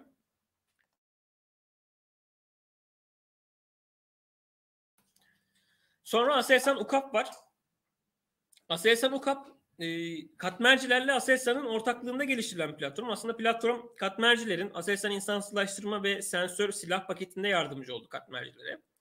E, yine Aselsan Aslan var. Bu kendi ürünleri olarak lanse ettikleri herhangi bir firma ortaklığı öne çıkartılmayan ürün.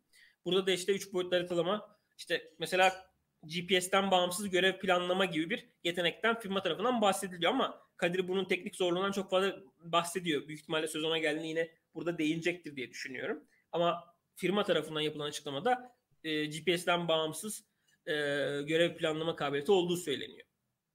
Tabii buradaki görev planlamanın anlamı da e, taşıdığı anlamı da ayrıca irdelemek lazım. Nasıl bir görevden bahsedildiğine bakmak lazım. E, Elektroland'ın hançer ürünü var. Bu işte parçalı bir palet taşıyor. Önde arkada iki palet. Sağ sol olmak üzere toplam dört palet var. Elektroland'ın boğaç aracı var. Tekerlekli bir araç. İşte ters döndüğünde takla falan atıyor. Öyle değişik yine araçlardan biri. Havelsan'ın Barkın aslında bunun arasında en ünlü olanlardan biri. Son dönemde çok öne çıktı. Otonom e, insan takibi vesaireyle e, beni takip et moduyla e, tanıtım da yapıldı aslında etkinlikte. Öne çıkan bir ürün. E, ve Havelsan'ın bu noktada bir parantez açmak lazım. Dijital birlik konsepti diye bir konsepti var. Ve bizim bahsettiğimiz üzere kara, hava, deniz, insansız araçların e, müşterek kullanımı ile ilgili e, bir çalışma var. Burada komuta kontrolden e, yer kontrole kadar Havelsan'ın böyle bir e, konsept mimarisi var. Bunu geliştirmeye çalışıyor. Aslında konsept açısından böyle bir şeyin düşünülmesi, ortaya koyulması çok önemli bir gelişme. Havelsan dergide bunlarla ilgili e, gereken bilgi birikimi de aktarılmaya çalışılıyor aslında. Sadece e, olayın teknik olarak çalışılması değil, kamuoyuna aktarılması için de Havelsan dergide çok güzel işlendi o konu mesela. 80-90 sayfa sadece bu konsepti anlatmak için hem mühendisler hem yöneticiler e, insanların anlayabileceği şekilde yazılar yazdı. Bence e, insansız sistemler konusunda dijital birlik konsepti Havelsan'ın irdelenmesi gerekiyor. Bu konuda meraklı olan kişilerin o dergiyi Havelsan sitesinden okumasını tavsiye ederim. Yine daha küçük yapıdaki e, insansız karar araçları da törende yer aldı. Bunların bir kısmında yanılmıyorsam ya kullanıma başlayacak ya da başlamış olması gerekiyor. E, kamikaze dediğimiz insansız karar araçları patlayıcı taşıyan Almanların 2. Dünya Savaşı'nda kullandığı bu şekilde bir e, hareketli mayın olarak da nitelendiriliyordu dönem. Bir uzaktan kumandalı araç vardı. Bu benzeri e, patlayıcı yüklü insansız karar aracı planı da var. E, bu da e, uçan insansız karar aracı konsepti. Özellikle mağara gibi yerler için işte zor bir arazide çünkü bir dağın sarp bir yerinde olabiliyor ya da çok e, küçük bir insan aracının hareketlere gidemeyeceği bir yerde e, uçarak mağaz, mağaranın ağzına kadar gidiyor. Daha sonra mağaranın ağzında yere iniyor ve e, yerden yine yürüyerek devam ediyor. Böyle değişik bir konsept. Aslında kreatif bir ürün. Daha sonra deniz topuna geçeceğiz. Ben burada ürünlerin tanıtımı konusunu bırakarak size insansız kar aracı, son, insansız kar aracı konusundaki son sözlerinizi soracağım. Ee, öncelikle Kozan Hocam sizden başlayalım. Sonra Kadir konuyu zaten iyi bir şekilde toplayacak. Tabii ki. Ee, şöyle söyleyeyim. Dünyadaki teknoloji çok hızlı geçiyor ama kara araçları spesifiğinde değil. Bundan 14 yıl önce biz ilk LIDAR satın almak istediğimizde Omron 100 bin dolar gibi bir para söylemiş. Dedik tam projeye girmeyelim biz diye şey yapmıştık. Şu anda LIDAR e, bütün akıllı elektrik evde evde dolanan süpürgelerimizin içinde var. Yani maliyetin ne kadar hızlı düşüp ne kadar kolaylaştığını anlatmak için bu örneği veriyorum. E, şu anda bize çok pahalı gelen belki e, edinmesi çok zor olacak bir teknoloji yarın öbürsü gün e, cep telefonlarımızın içinde veya işte evde dolanan süpürgeler gibi bir şeylerin içinde olacak. Yani bir şeyin şu anda ortaya çıkması gerekiyor ki bu ucuzlasın, alternatif oluşsun, üstünde şeyler görülsün. Ama bir şeyin artık şu anda bana göre faz sıfır olarak çıkması gerek. Evet az önce çok güzel anladın. Geciktiğimiz için değil, ihtiyacımız olduğu için biz bunu istiyoruz. İki, biz bu tür sistemleri de iyi satabilmeye başladık. Yani bizden çıktığı zaman dünyada bir güven oluşuyor çünkü. Bunlar kullandılar gerçekten hani döve döve öğrendiler bu işi. Ee, çıkacak ürün kesinlikle bizim işimizi fazlasıyla görecektir. Artık dünyada bir güven oluşmaya başladı.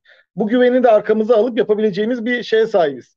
Nasıl İsveçliler şey satmak için Afganistan'daki bomba atalım diye yalvarıyorlarmış. Ee, bizim böyle bir şeye ihtiyacımız yok. Biz zaten sürekli bu sistemleri combat proven yapabilecek beceriye de sahibiz. O yüzden e, bir an evvel görmek dileğimizden kaynaklanan bir konuşma oldu bu. Böyle diyeyim ben bitireyim.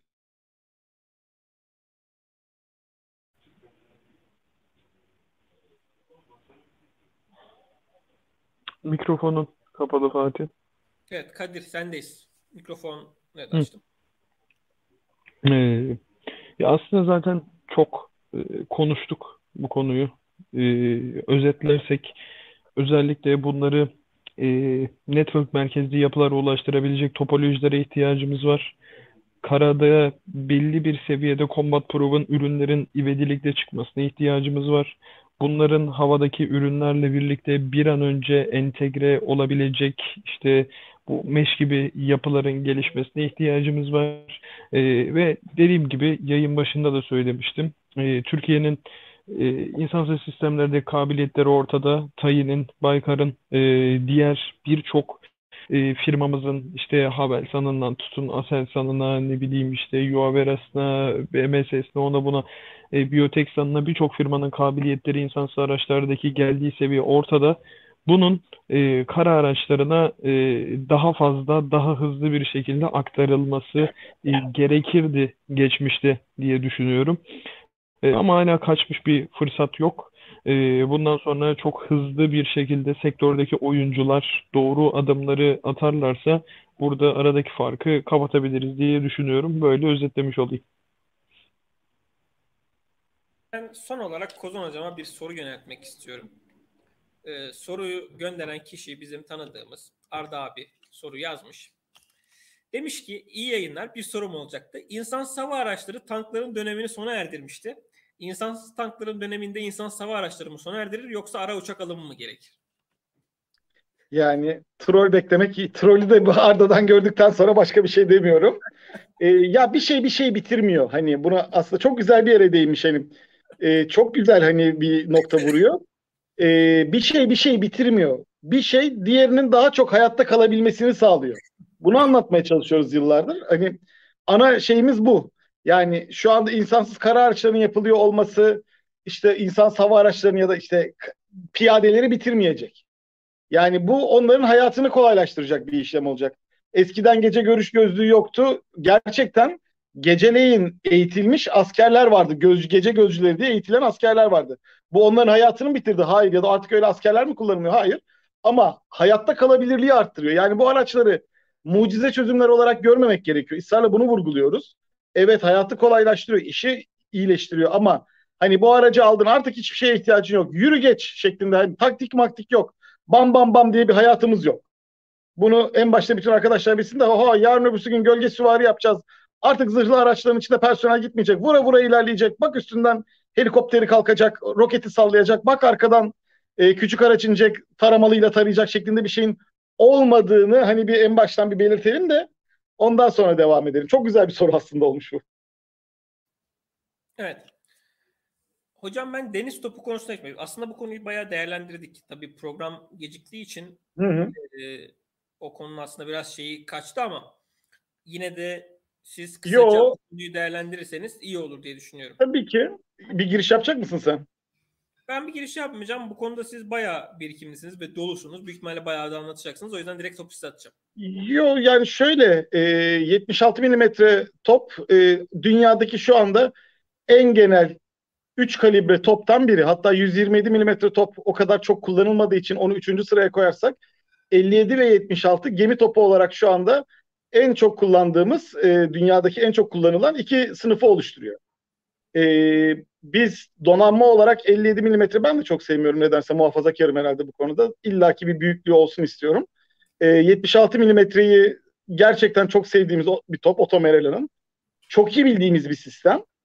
E, bunun yerlisini üretmek hiç de yanlış değil. Çünkü artık biz e, bazı şeyleri hep e, popüler olması için hep bir hikaye yazılıyor da hani e, bak bize vermediler kendimiz yaptık. Hayır biz dünyaya bir ürün satacaksak bu üründe ne kadar çok yabancı el olursa senin kontrol edemediğin el olursa o kadar rahatsız olursun. Ama bizim ne kadar çok içimizde kendimizde şeyimiz olursa çözümümüz olursa o kadar daha kolay satman olur. Yani şu anda bir dünyanın üçüncü ülkesine teklifte bulunsak o ülkenin de daha önce İtalyan şirketleriyle alakasız bir şekilde ticari bir çatışması yani şey olsaydı, sıkıntısı olsaydı İtalya belki bir dakika benim ürünlerimi o ülkeye satacağın şeylerde kullanma diyebilir. Ki İtalyanlar çok yumuşak bu konuda ama örnek olarak diyebilir. En basitten e, Kore, Arjantin'e F50 satmak, F50 satmak istiyordu. İngiltere taş koydu. Hayır dedi benim içindeki olan hiçbir cihazım var. Onları kullanmadan kullanmanı kabul etmiyorum dedi. Adamlar şu anda JF-17 almaya çalışıyorlar gibi şeyler olabiliyor. Bu elinizi rahatlatıyor. İki, ucuzladık. Yani şu anda işçilik olarak ucuzlamış bir ülkeyiz. Bu da maliyetleri etkimeye başlayacak. Yani işçilik maliyetlerini etkimeye başlayacak şey. Bunu aslında ayrı bir zamanda konuşabiliriz ama e, insan kaynaklarına negatif etker, etkirken üretim maliyetlerinde düşmeye sebep olacak gibi ikiye ayırabiliriz bunu. Yani birini üretim, diğerini arge faaliyeti olarak bakarsan hayatımızın yani dövizin e, TL'nin ucuzlaması şeyi getiriyor. E, rekabetçi olmayı getiriyor üretimde. Arge'de de aksine getiriyor. E, kısacası şu anda argesi tamamlanmakta olan bir ürün için bir artı. Biz bu ürünü İtalyanların teklif edeceğinden çok daha şey teklif edebiliriz. Bir de şu şeyi sevmiyorum. 1960'larda yaptılar bu topu da İtalyanlar bak biz şimdi hala yapabiliyoruz. Hayır. Şu anda Otomerala Compact hala üretimde ve satılıyor. Yani bu çok e, zoruma giden bir kavram. E, evet 1960'larda yaptıkları o kom, şeydi neydi? Çok enteresan güzel bir isim vardı. Unuttum şimdi. İtalyanların sisteminin devamıdır Otomerala Compact. E, doğru atış sayısı onun e, dakikada 80 atış ki 80 atış kötü bir atış sayısı da değildir. E, bu top kesinlikle İtalyan Otomerala kopyası değil. Çok net açıkladılar onu. Hatta bazı şeyleri böyle gereğinden fazla bilgi vererek açıkladı makine kimya kendini de gösterebilmek için. Ee, içinde kullandıkları bazı mekanik ve elektronik çözümler e, İtalyanlarınkinden daha gelişmiş olduğunu, bunun hassasiyeti arttırdığını, bunun e, seri atımlarda e, hedefe kaybetmemeyi sağladığını çok net anlattılar. Yani İtalyanların topunu kopyaladık. Hayır, biz şu anda Otomerala kompakt konusunda e, 76'lık kompakt dakikada 80 atım yapabilen bir top konusunda bir adım daha ileri götürmüş bir top yapıyoruz. O yüzden de 1960'ta yaptıklarını yapıyoruz diye arkadaşlardan yorum gelirse üzülürüz. E, bunu en baştan bir belirtelim. Bu çok güzel bir iş. Dünyadaki en çok satılan yani açık deniz karakol botundan istif sınıfı gibi bir fırkateyninize kadar çok geniş alanda kullanabileceğiniz bir şey yapıyorsunuz, silah yapıyorsunuz. E, bu silahınızı kendiniz geliştirirken bir de aynı zamanda mühimmat da geliştiriyorsunuz. E, inşallah ki mühimmat e, kullanımında İtalyanlarla bir ortak çözüme de gidilir ki tüm dünyaya mühimmat ihracatçısı olabileceğimiz bir durum yaratıyoruz kendimiz şu anda. E, ve bulduğumuz çözümler çok çok daha işte lazer güdüm ve e, güdümlü top mermisi konusunda İtalyanların facia bir sistemi vardır. E, topun içinden bir radar yelpazeleri açılır. Ve bu topların korkunç basınçlı olduğunu düşünürsek ben o radar yelpazelerinin hani çok kısa ömürlü olacaklarını, sürekli arıza yapacaklarını ki zaten yazılanlarda öyledir. E, deniz şartlarında kullanması hassasiyeti zaten zor. Biz ise ne, şu anda direkt olarak e, gemi üzerinden lazer güdümle çözümler bulmaya başlayacağız. E, çok daha verimli işler yapacağız. Yani şu anda makine kimyanın açıkladığı mühimmat teknolojisi sadece topa bakmayın yani. yani. Evet topumuz gerçekten şu an işe yarar iyi bir top oldu ki ayakta alkışlıyorum makine kimya çok hızlı aksiyon görerek çok hızlı sonuca ulaştı. E, gerçekten mutlu edici bir şey oldu. E, bunun devamını da göreceğiz. Kendi ağızlarından 127 milimetre diye konuşmaya başladılar. Normalde ya 127 milimetre toplam 4 adet yapılacak ya da hadi bir tane yedekli gemilerimizdekiler içinde 6 adet gibi düşünülebilir ilk anda. Ama şunu söylemek istiyorum. E, Hintliler 8 top için mi 1,5 milyar dolar ödüyordu yanılmıyorsam. 1.1 milyar dolar ödüyordu yanılmıyorsam 8 top için 1.1 milyar dolar ödeyecekler. Bir tanesi F-16'ya falan denk gelmeye başlıyor maliyet olarak. Öyle düşün. Bir tane 127 metrelik gemi topu. O yüzden makine kimya 76'dan sonra 127'ye de girerse hani zararına yapmış olma ihtimali dahi yok. Kesinlikle hani aritmetik ve mantık olarak o işten de ülkemizin para kazanacağı bir e, şey ortaya çıkar. Sadece kendimiz üretsek dahi başa baş ve para kazanacağımız bir sistem ortaya çıkacaktır.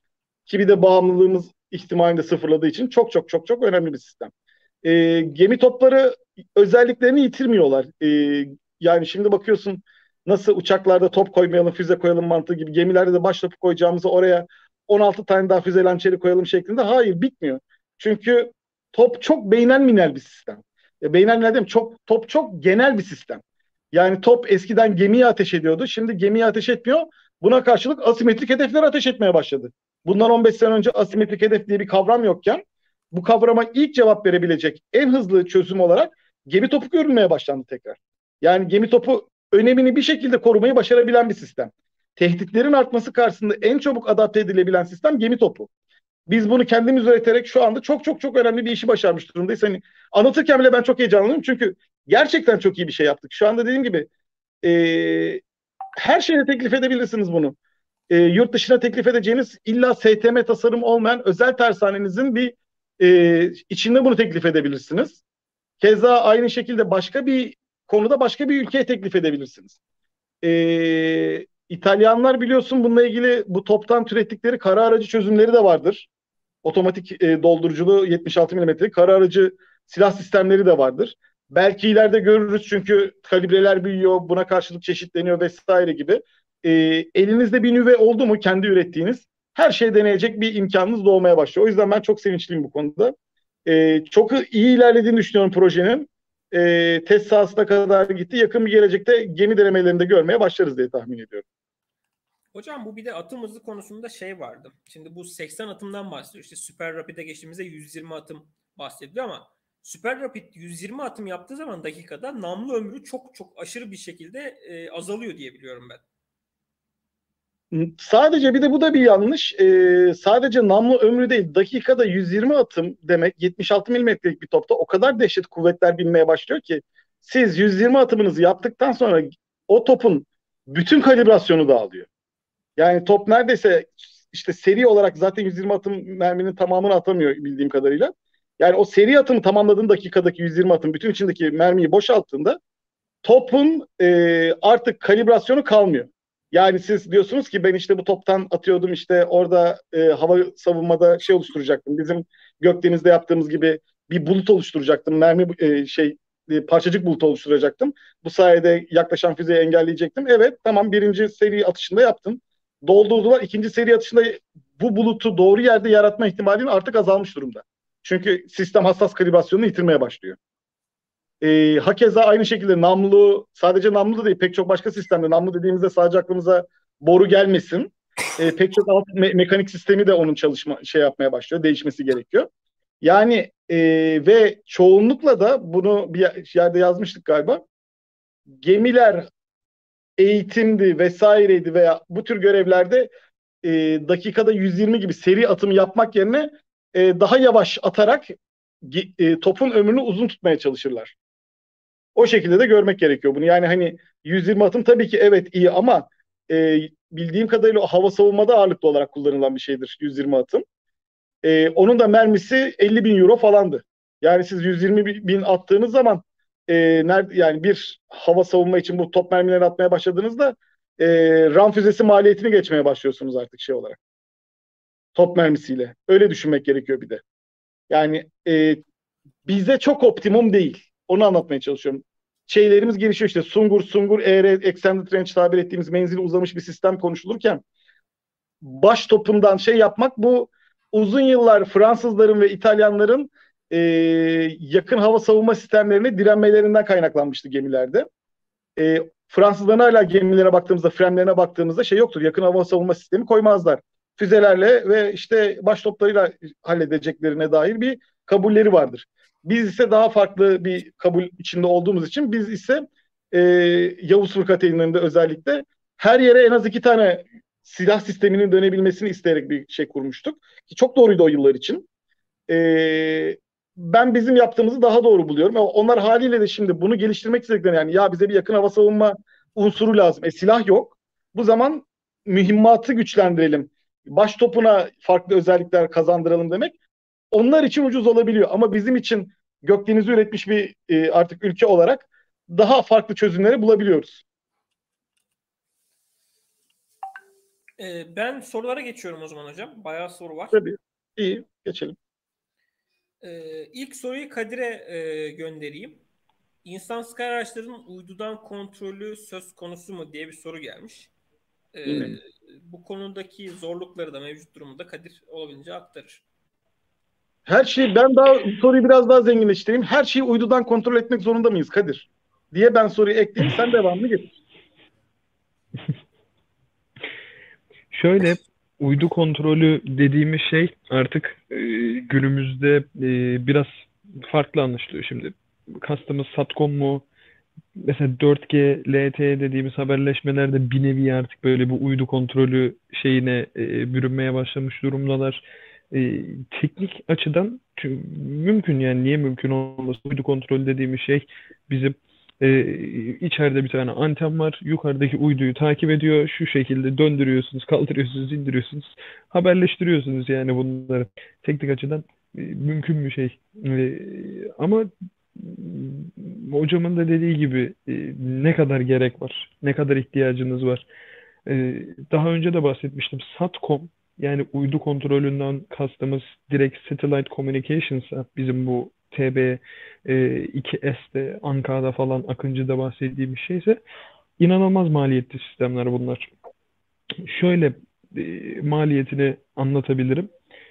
Normal bizim televizyon izlediğimiz kanal gibi kanal kiralıyorsunuz. Yani aynı televizyon yayını nasıl yapılıyorsa siz de e, Satcom haberleşmesini aynı şekilde yapıyorsunuz. Yukarıda bir e, şey var, uydu var, belli başlı kanallar var, band genişlikleri var, frekanslar var. Siz yerden yukarıdan haberleştiriyorsunuz böyle. Yani televizyon yayınından bir farkı yok. O yüzden TürkSat'a vesaire belli bir e, ücret ödeniyor SSB veya diğer e, kurumlar tarafından. O yüzden maliyetli sistemler. İnsansız kara araçlarında daha çok e, 4G, LTE dediğimiz e, veya işte artık 5G olacak bu gibi sistemler e, kullanılıyor. Bu sistemlerin çünkü hem e, altyapıları çok daha e, gelişmiş seviyede hem de özellikle baz istasyonları vesaire artık çok daha fazla bunların maliyetleri düşük. Çok hızlı bir şekilde siz veride aktarabiliyorsunuz buralarda. E, bu şekilde cevaplayabilirim herhalde.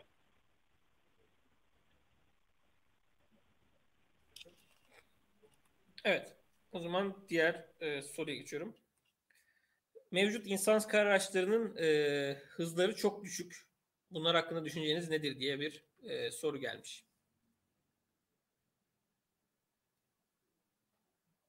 Kozan Hocam ya da Kadir. Evet. Tamam. Ee, hangi mevcut insan kar araçlarını gördüğünü yazsaydı daha rahat cevaplardık. Şu anda e, Rusların sistemi de yani abi hızlı gitmesine hani ne yapıyoruz? Saatte 60 kilometreyle ateş edip şey mi yapacak yani? Hani bir onu mantığını anlamamız gerekiyor. Hani e, bu araçlarla çalışma konsepti farklı. Zaten sorun olan bölgelere gidiyor bu araç. Bu araç yavaş gitme yani yavaş gitme üzerine değil ama yavaş gitmesinde operasyonel olarak hani tank burada 40 kilometre hızla gidip iş görürken şimdi bak insan aracı koyduk 10 kilometre hızla gidiyor diye bir sistem yok. Ee, buna bakarken hani nerede baktığınız mühim. De- devriye gezerken normal bir aracın gezeceği devriye de aynı hızda geziyor mu? Daha verimli mi? Belki 10 kilometre daha yavaş gidip daha verimli bir alanı tarayacak. Çünkü öbüründe insan gözü bakarken diğerinde ise ofisinde oturan bir adam bakıyor. Öyle düşünün. O adamın araması e, aracın içindeki bakan göze göre çok daha verimli oluyor. Adamın çevresel olarak hiçbir derdi yok. Çatır çutur sürekli zıplayan bir arabanın içinde değil. O yüzden de insansız bir araçtan çok daha belki verimli izleyebilecek. E, hakeza hareket sensörleri vesaire şu bu insansız araçlarda bazı şeyleri de e, koymak daha kolay şeye göre. insanlı araçlara göre. Bu durumda yani hani daha hızlı daha yavaş evet şu anda işlem hızı belki lidarlar vesaireler sebebiyle biraz daha yavaş olabilir. Çok hani şey yapmayayım öyle hani hayır değil demeyeyim ama işlem, işlemci hızlarının gelişmesi, lidar sistemlerinin bu kadar hızlı ilerlemesi 5 sene sonra hayır öyle bir yavaşlık kalmayacak. İşte şu anda e, şeyler insansız araçlar Google'ın aracı da Tesla'nın aracı da Hocam değil, insan aracında insan hızında gidiyor yani. Hani. Galiba hani şeyden bahsediyorlar. Hani normal mekanik olarak aracın seyir hızından bahsediyorlar. Orada zaten şeylerin artık bir etkisi yok. Yani yarı iletkenin, sensörlerin yani ya şöyle söyleyeyim adam minimum en kötü sensörünüz şu anda sizin 30 30 Hz'de 100 Hz'de falan e, veri basıyor size. Hani e, sizin havadaki aracınız hava araçlarında falan özellikle mesela insan hava araçları için konuşayım.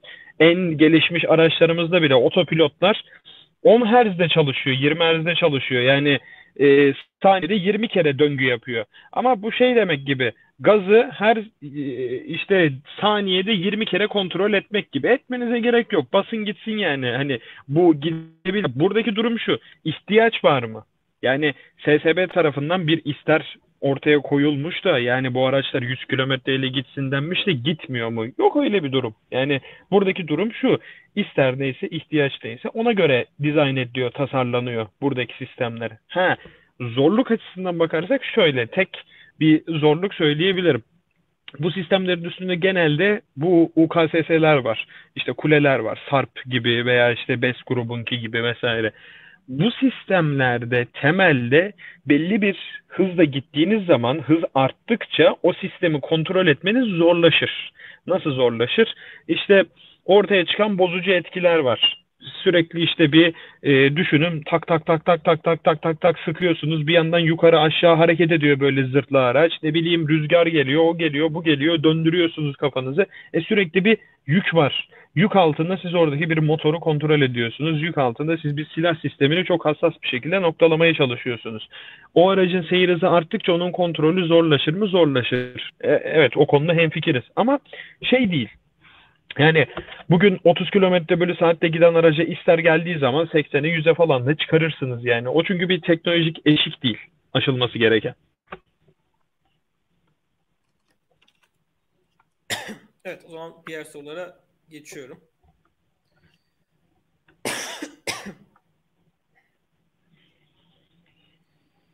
ee,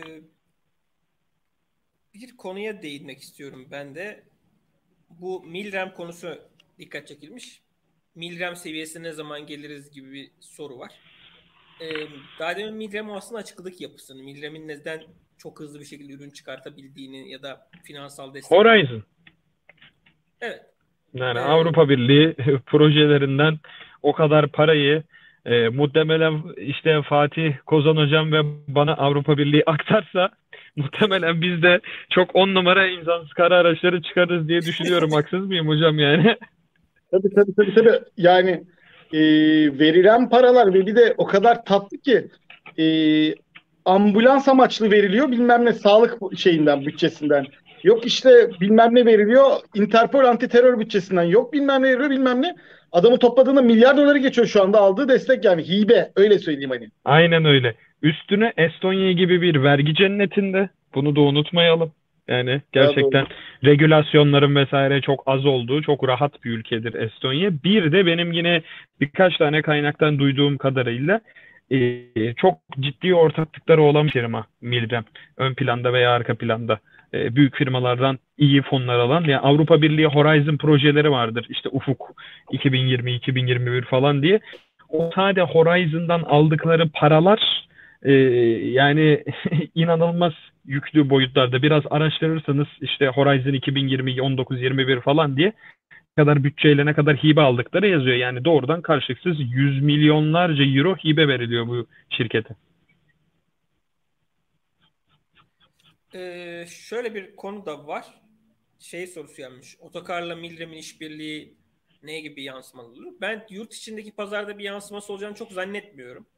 Ee, Milrem gibi bir şirketin ortaklığındaki projeye Türkiye'de çok sıcak bakılmayacaktır. iç pazarda. Ama ihracat açısından belki otokarın üstünden ürün pazarlanması, otokarın Milrem üstünden ürün pazarlaması, müşterek ürünler çıkartılması vesaire vesaire birçok şey söz konusu olabilir. İhracat için faydalı işbirlikleri olabilir firmaların geliştirmesini ama ben iç pazarda yer edineceğini düşünmüyorum açıkçası.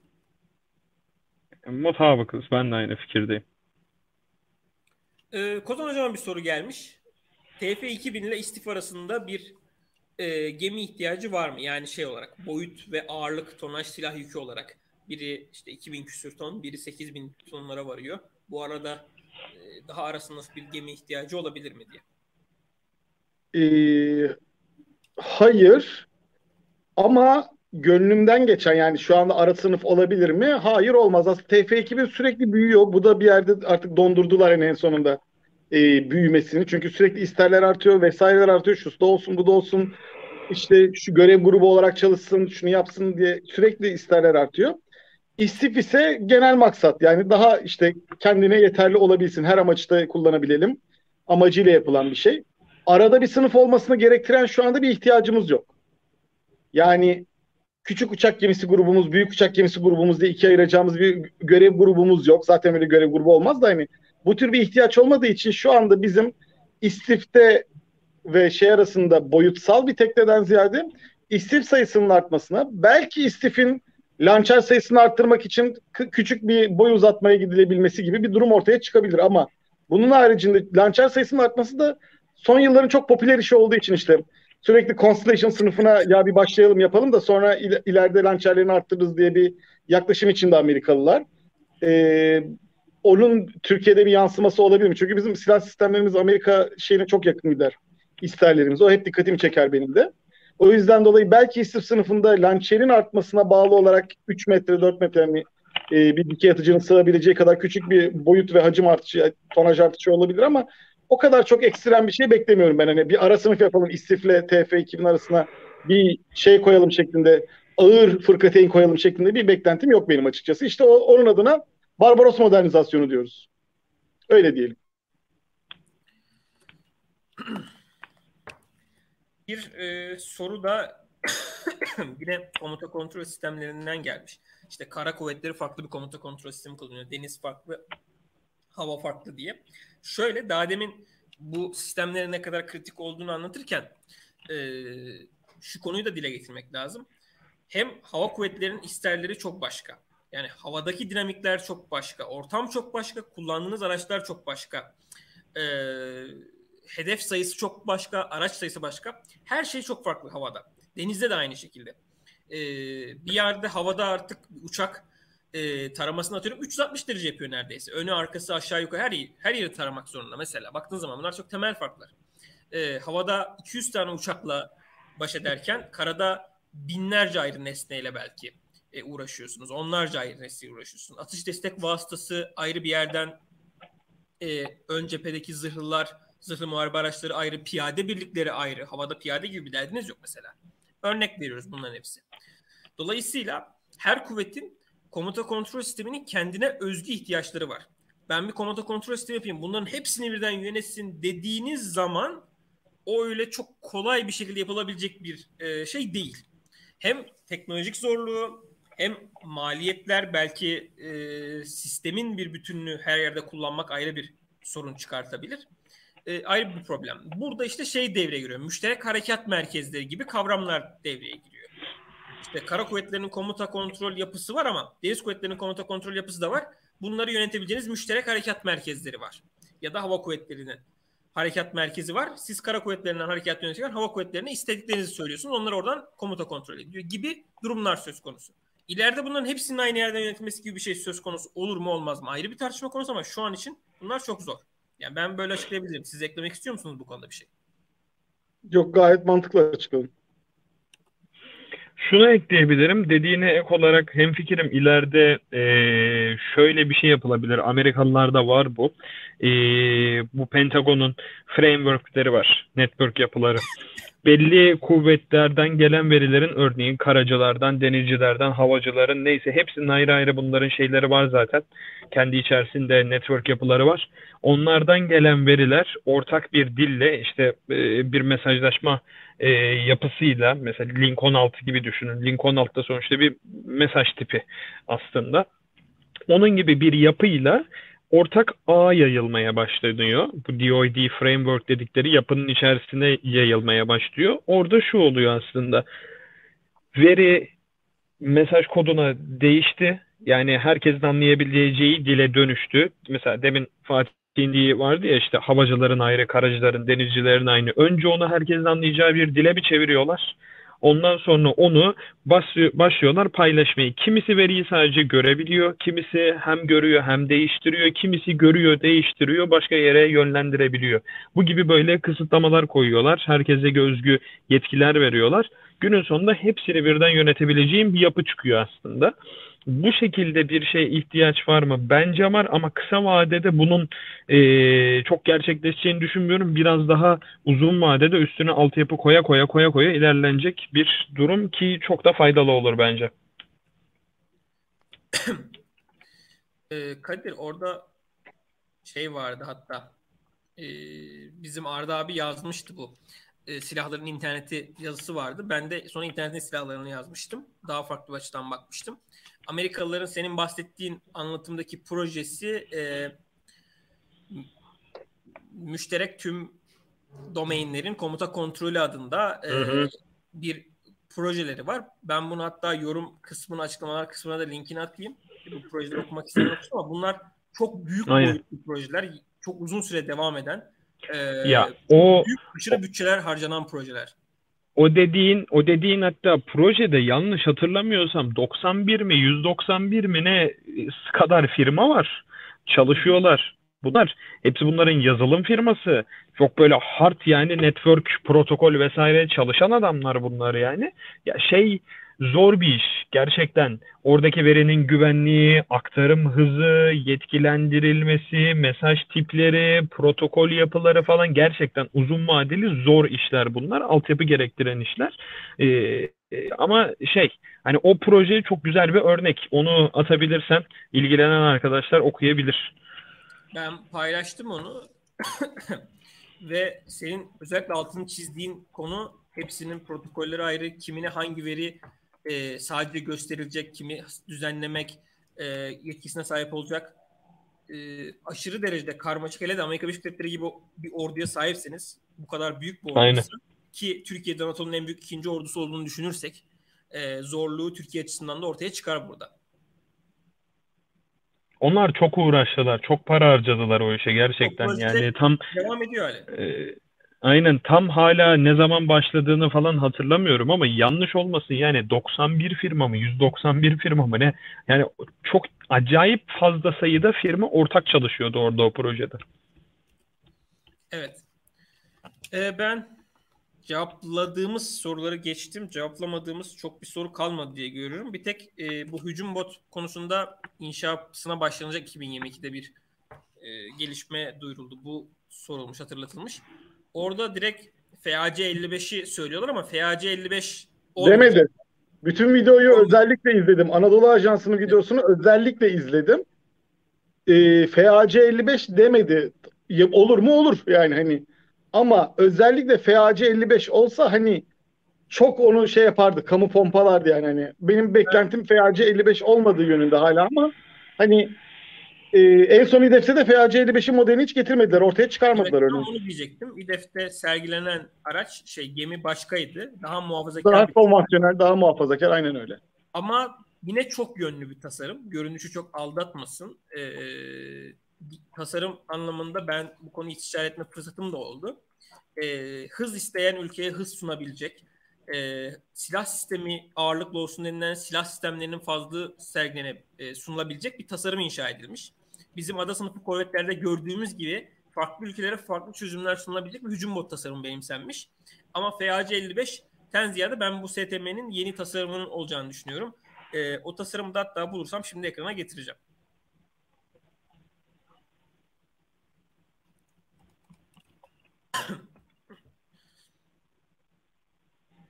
evet burada hemen ekrana getiriyorum.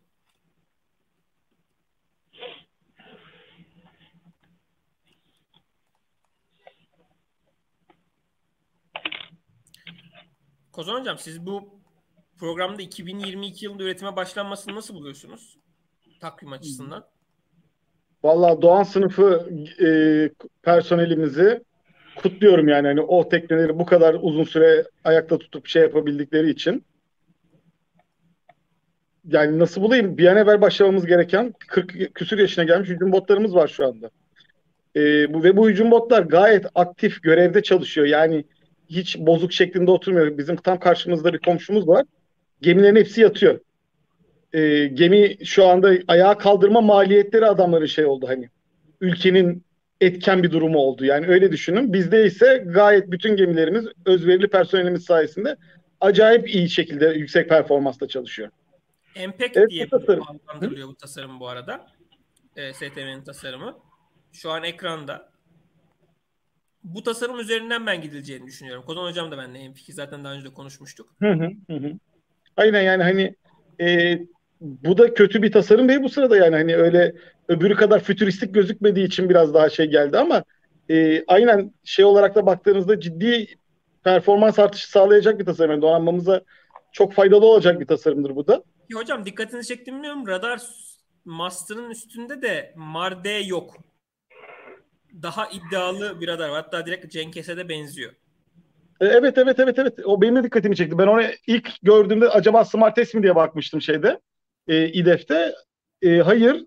Bizim ısrarla artık günümüzde hücum bot konseptinde belirlediğimiz e, tek başına bütün veriyi gerektiğinde toplayabilmeye de yönelik bir radarı var. Örneğin Çinliler e, Sarı Deniz'de kullan Sarı Deniz diyorum. E, Güneydoğu'da yani kendi denizlerinde kullanmak için e, Huawei diye bir tane katamara yapmışlardır. Herkes çok sever onu. Evet. E, navigasyon radarı vardır. Hiçbir şekilde güdümlemeye yönelik ya da hedef bulmaya yönelik bir radarı yoktur. O ısrarla başkaları tarafından şey yapılmak üzere, güdümlenmek üzere kurulmuştur. Ki Bizde burada ise hücum- radarı da var. Hı? Ki burada Pardon? atış kontrol radarı da var hocam. Tabii ayrıca atış kontrol radarı da var burada aynı şekilde evet. Ee, ben yani açıkçası çok şeyim hani e, bu tasarımda hiç de öyle yaban atılacak bir tasarım değil. Onu da belirtmek gerekiyor. Ben bu programda bu tasarımın öne çıkacağını sizin gibi düşünüyorum. Ee, belki şey de olabilir. Ee, daha önce biz yine sizle konuşmuştuk. Birden fazla tasarıma da gidilebilir da birden fazla aynı tasarımda birden farklı rolde gemiler. Birinin radarı daha kuvvetli olur, birinde hava savunma daha kuvvetli olur. Bu tarz bir yapı da gelebilir ee, diye düşünüyorum. Ben teknoloji geliştiği için onu söylüyorum ısrarla. Artık teknoloji o kadar hızlı gelişmeye başladı ki e, bir tane bu şekilde bir ana hücum bot sınıfı olurken bir de yanına daha küçük belki insansız ya da kuvvetle muhtemel insansız ana geminin kontrolünde görev yapacak insansız deniz aracı bekliyorum. Yani hücum bot gibi daha ağır silahlı olan insansız deniz aracı bekliyorum ben hala. Evet. Ee, benim açıkçası soruları da olabildiğince aktardım. Ee, yayını bitirmeyi düşünüyorum. Sizin de son Benim- eklemeleriniz varsa onları alayım. Var. Ben Kadir'e bir soru sorabilir miyim ama konu dışında olacak. Hani bunun başka programda yayınlayalım dersen Fatih Sim araya girebilirsin. Ee. Kadir tamam. Ee, Buyurun hocam. Akıncı'da 450 beygirlik motorlar vardı. Sonra biz bunu aynı motor grubunun 700 beygirlik olan şeyini bekliyorduk. Ee, motor şeyini bekliyorduk. Gücünde olanın takılacağını bekliyorduk. Bir anda MS500 olan e, 1000 beygirlik olan motorlar geldi. Ki Deniz MS500 seviyesi. çok da... Efendim?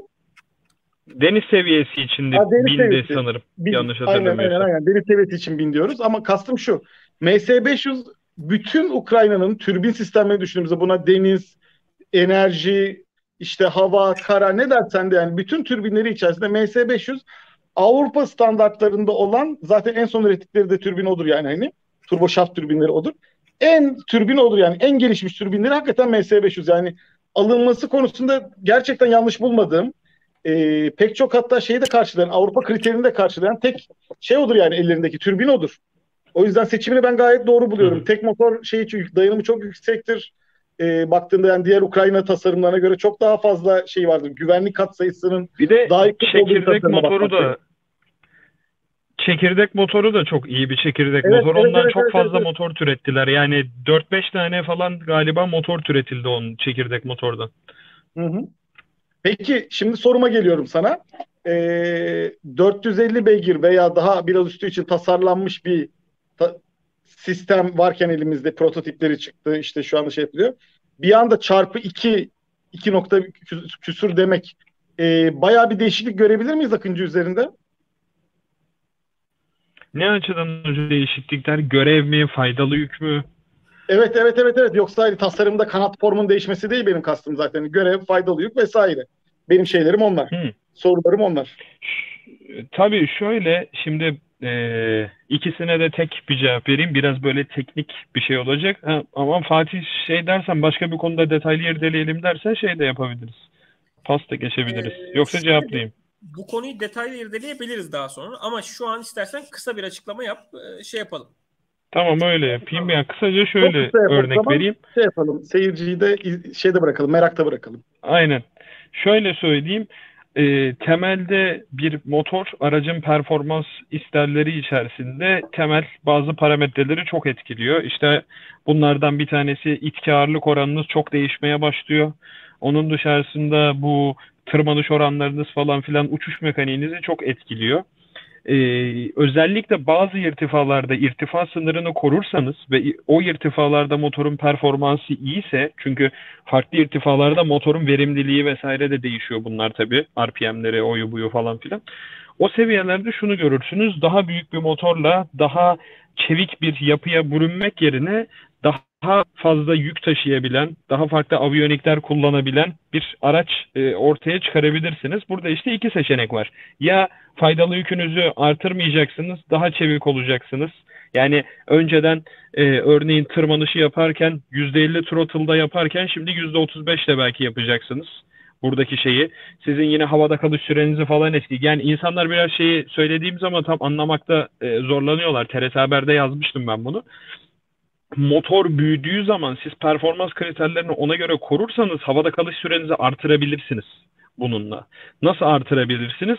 Birinin idle throttle'ı yani boşta döndürdüğün throttle'ı RPM'i bellidir. Kaç olduğu diğerinin bellidir. Sen eğer aynı ağırlıklarda veya çok yakın ağırlıklarda bunu tutuyorsan itki ağırlık oranın artar. Araç daha fazla havada kalmaya başlar. Daha çevik manevra yapmaya başlar. O olur bu olur falan filan. Yani bunların hepsi şey ihtimal eğer bay, Baykar ve kuvvet isterse o motordan sonra faydalı yükleri de çok artar. Görev yapısı da komple değişir. Yani bambaşka bir ürün ortaya çıkar. Dışarıdan baktığımızda her şey aynı görürüz.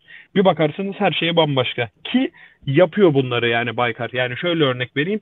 TB2'de falan gördüğümüz şeyler bunlardı. Yani Rotax motoruyla ne bileyim T2'ile ondan işte farklı ürünlerle TB3'le TB2S'de bir tane hatırlarsanız şey vardı. Selçuk Bey'in paylaştığı bir video vardı.